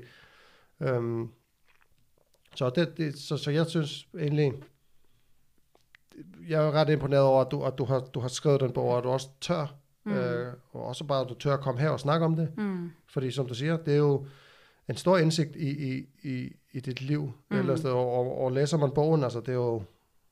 Altså man kan, jeg, jeg kunne godt mærke, hvor presset du var. Mm. Det, det kunne jeg virkelig. Øhm, om det er erfaring, eller om det er, fordi det er godt skrevet. Jeg tror, det, jeg tror, det er lidt af, lidt af, lidt af, lidt af værd. Men, men, øhm, men hvornår har du, altså sådan, øh, igen, det her, øh, jeg vil gerne øh, hjælpe alle og løse alle deres problemer, gen. øh, hvor, hvordan skal du i gang med, med at holde foredrag? Fordi jeg... Det har jeg slet ikke tænkt. Den her bog er jo lige udgivet for hvad? Tre, to, tre uger siden må det være. Er det rigtigt? Ja, der blev den udgivet. Så så nyligt er det. Hold da op, okay. Ja, fordi ja. Øh, for dem der, derude, der lytter, altså, jeg arbejder jo, øh, jeg, jeg er jo i praktik, og så har jeg mødt en, en, en mand, gut på alder med mig, øh, og vi er bare sådan hyggesnakket mm. lidt. Øh, vi har ikke samme vagter altid, vi har mødt hinanden, det ved jeg ikke, måske 6-7 gange. Og så snakkede vi lidt, og jeg fortalte ham om podcasten, og han lyttede lidt til den, og så kommer han en dag, hey, min søster har udgivet en bog om det her, og jeg tænker, okay, det er faktisk relevant for mig, du må gerne skrive til hende. Og så ja, det er jo under, under 14 dage siden, kan ja, man sige, og så ja. sidder vi her. Så jeg troede faktisk, at, at, at for det han er sådan, ja, men hun, jeg, jeg troede, han havde sagt det, men hun holder også foredrag om det og sådan noget. Ja. Øhm, men, men der er, okay, så det er meget nyt. Det er så nyt. Ja. Ja.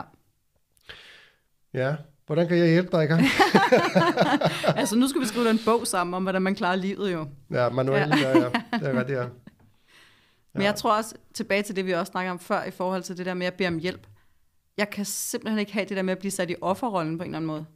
Jeg skal nok klare det, og jeg, nogle gange så er det hårdt, og nogle gange må jeg godt have lov til at sige, det hårdt, uden at føle sig som det der offer. Mm-hmm. Og så alle de ting, jeg har været igennem, det er en forklaring på, hvorfor jeg er, som jeg er i dag, og en forklaring på, hvorfor jeg håndterer livet.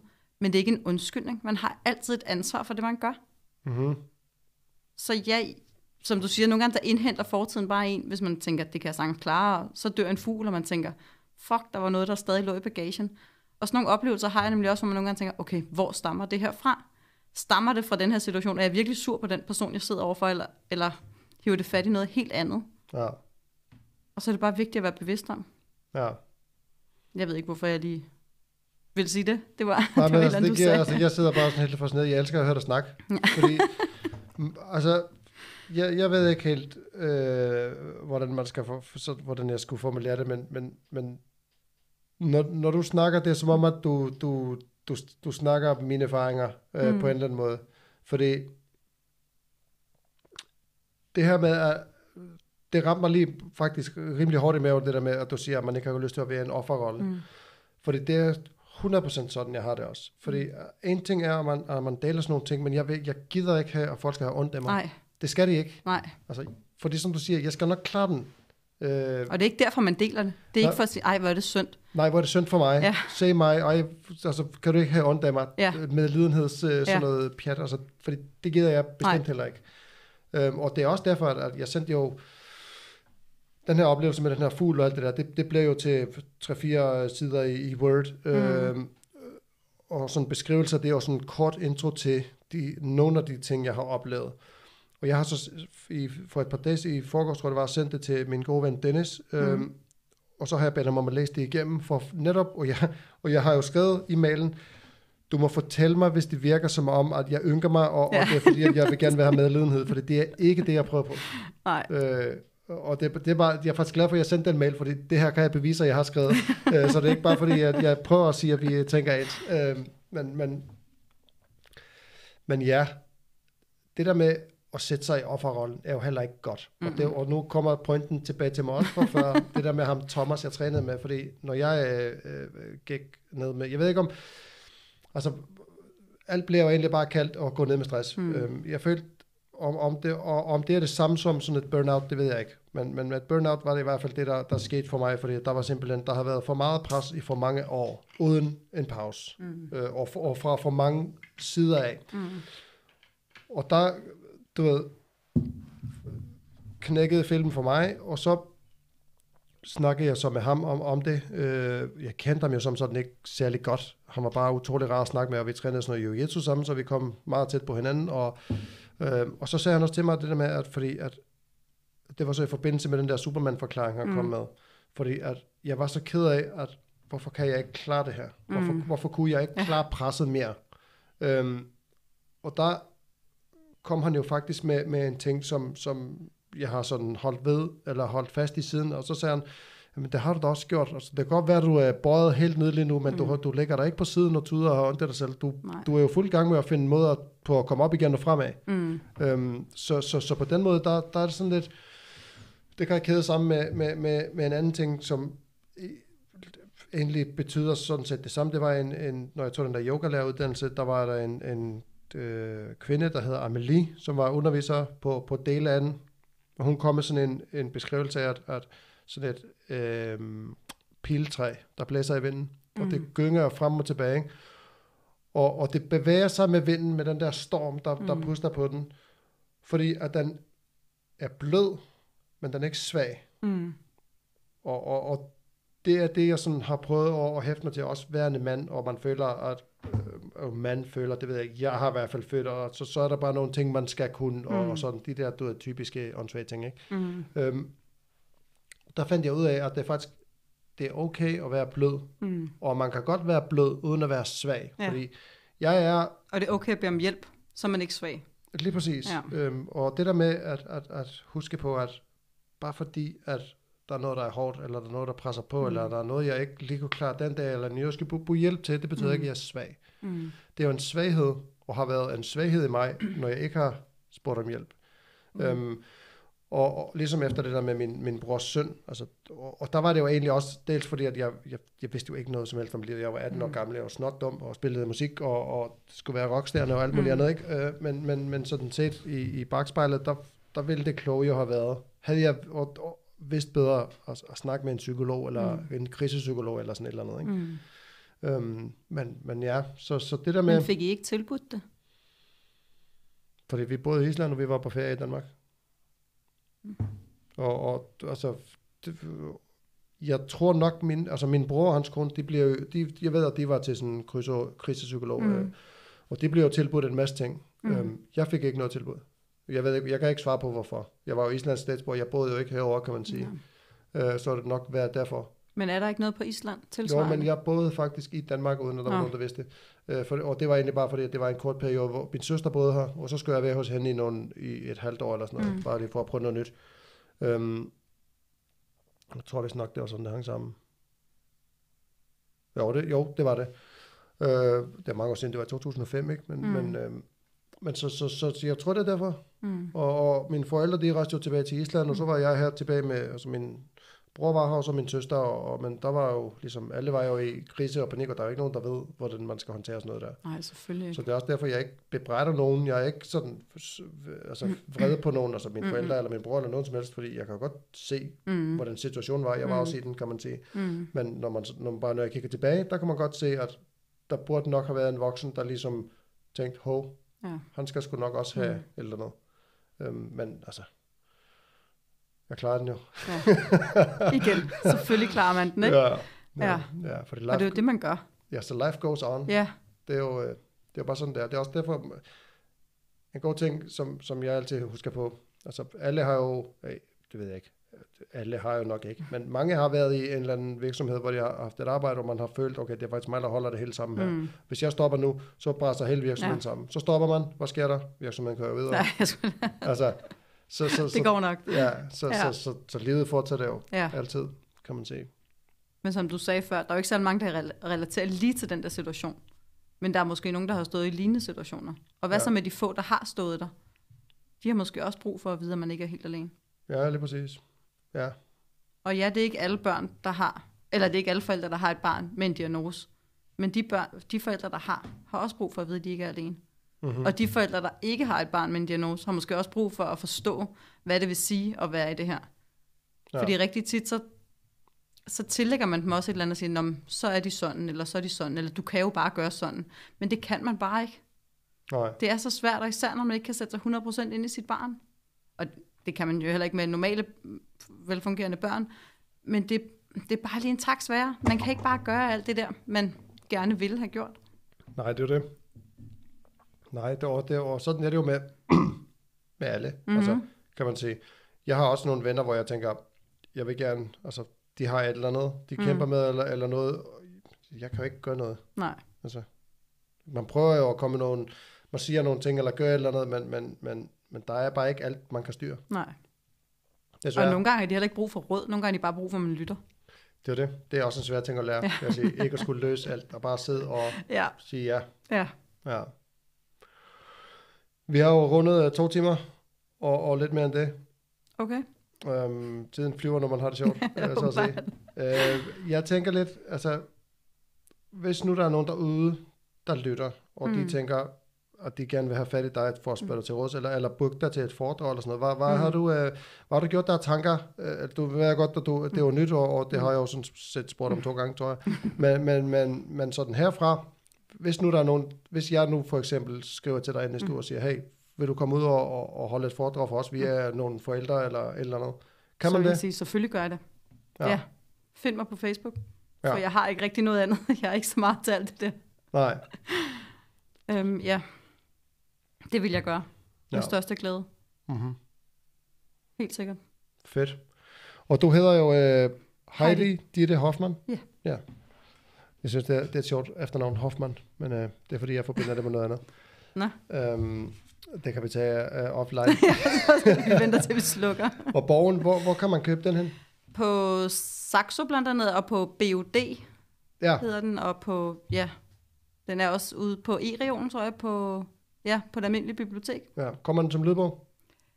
Det gør den, fordi jeg låner dit studie til at indspille den. Ja, ja, er jeg har lige Ja. fået rettigheden til at lave den som lydbog. Er det rigtigt? Mm. Mm. Og fedt nok. Men mm. Mm. det, det, det finder vi hurtigt ud af. Mm. Mm. Øhm, for det, det var det, jeg håbede på, du ville sige. Fordi der er jo rigtig mange, netop når man ikke har det store overskud, mm. Mm. så er det rigtig rart at kunne sætte høretelefoner på og lytte ja. Til noget, mens man lige laver aftensmaden. Og, for det, sådan, Eller gå en tur i skoven. Det er eller, præcis, fordi sådan finder man jo tiden til det. Så kan Ja. man høre den i små bidder, mens man laver ting, som hvor man godt kan, mm. altså for eksempel hvis man laver mad, hvor man er vant til at lave mad, der kører det sådan lidt på autopilot, så kan mm. man jo Mm. lytte, øh, mens, man, øh, mens man laver det.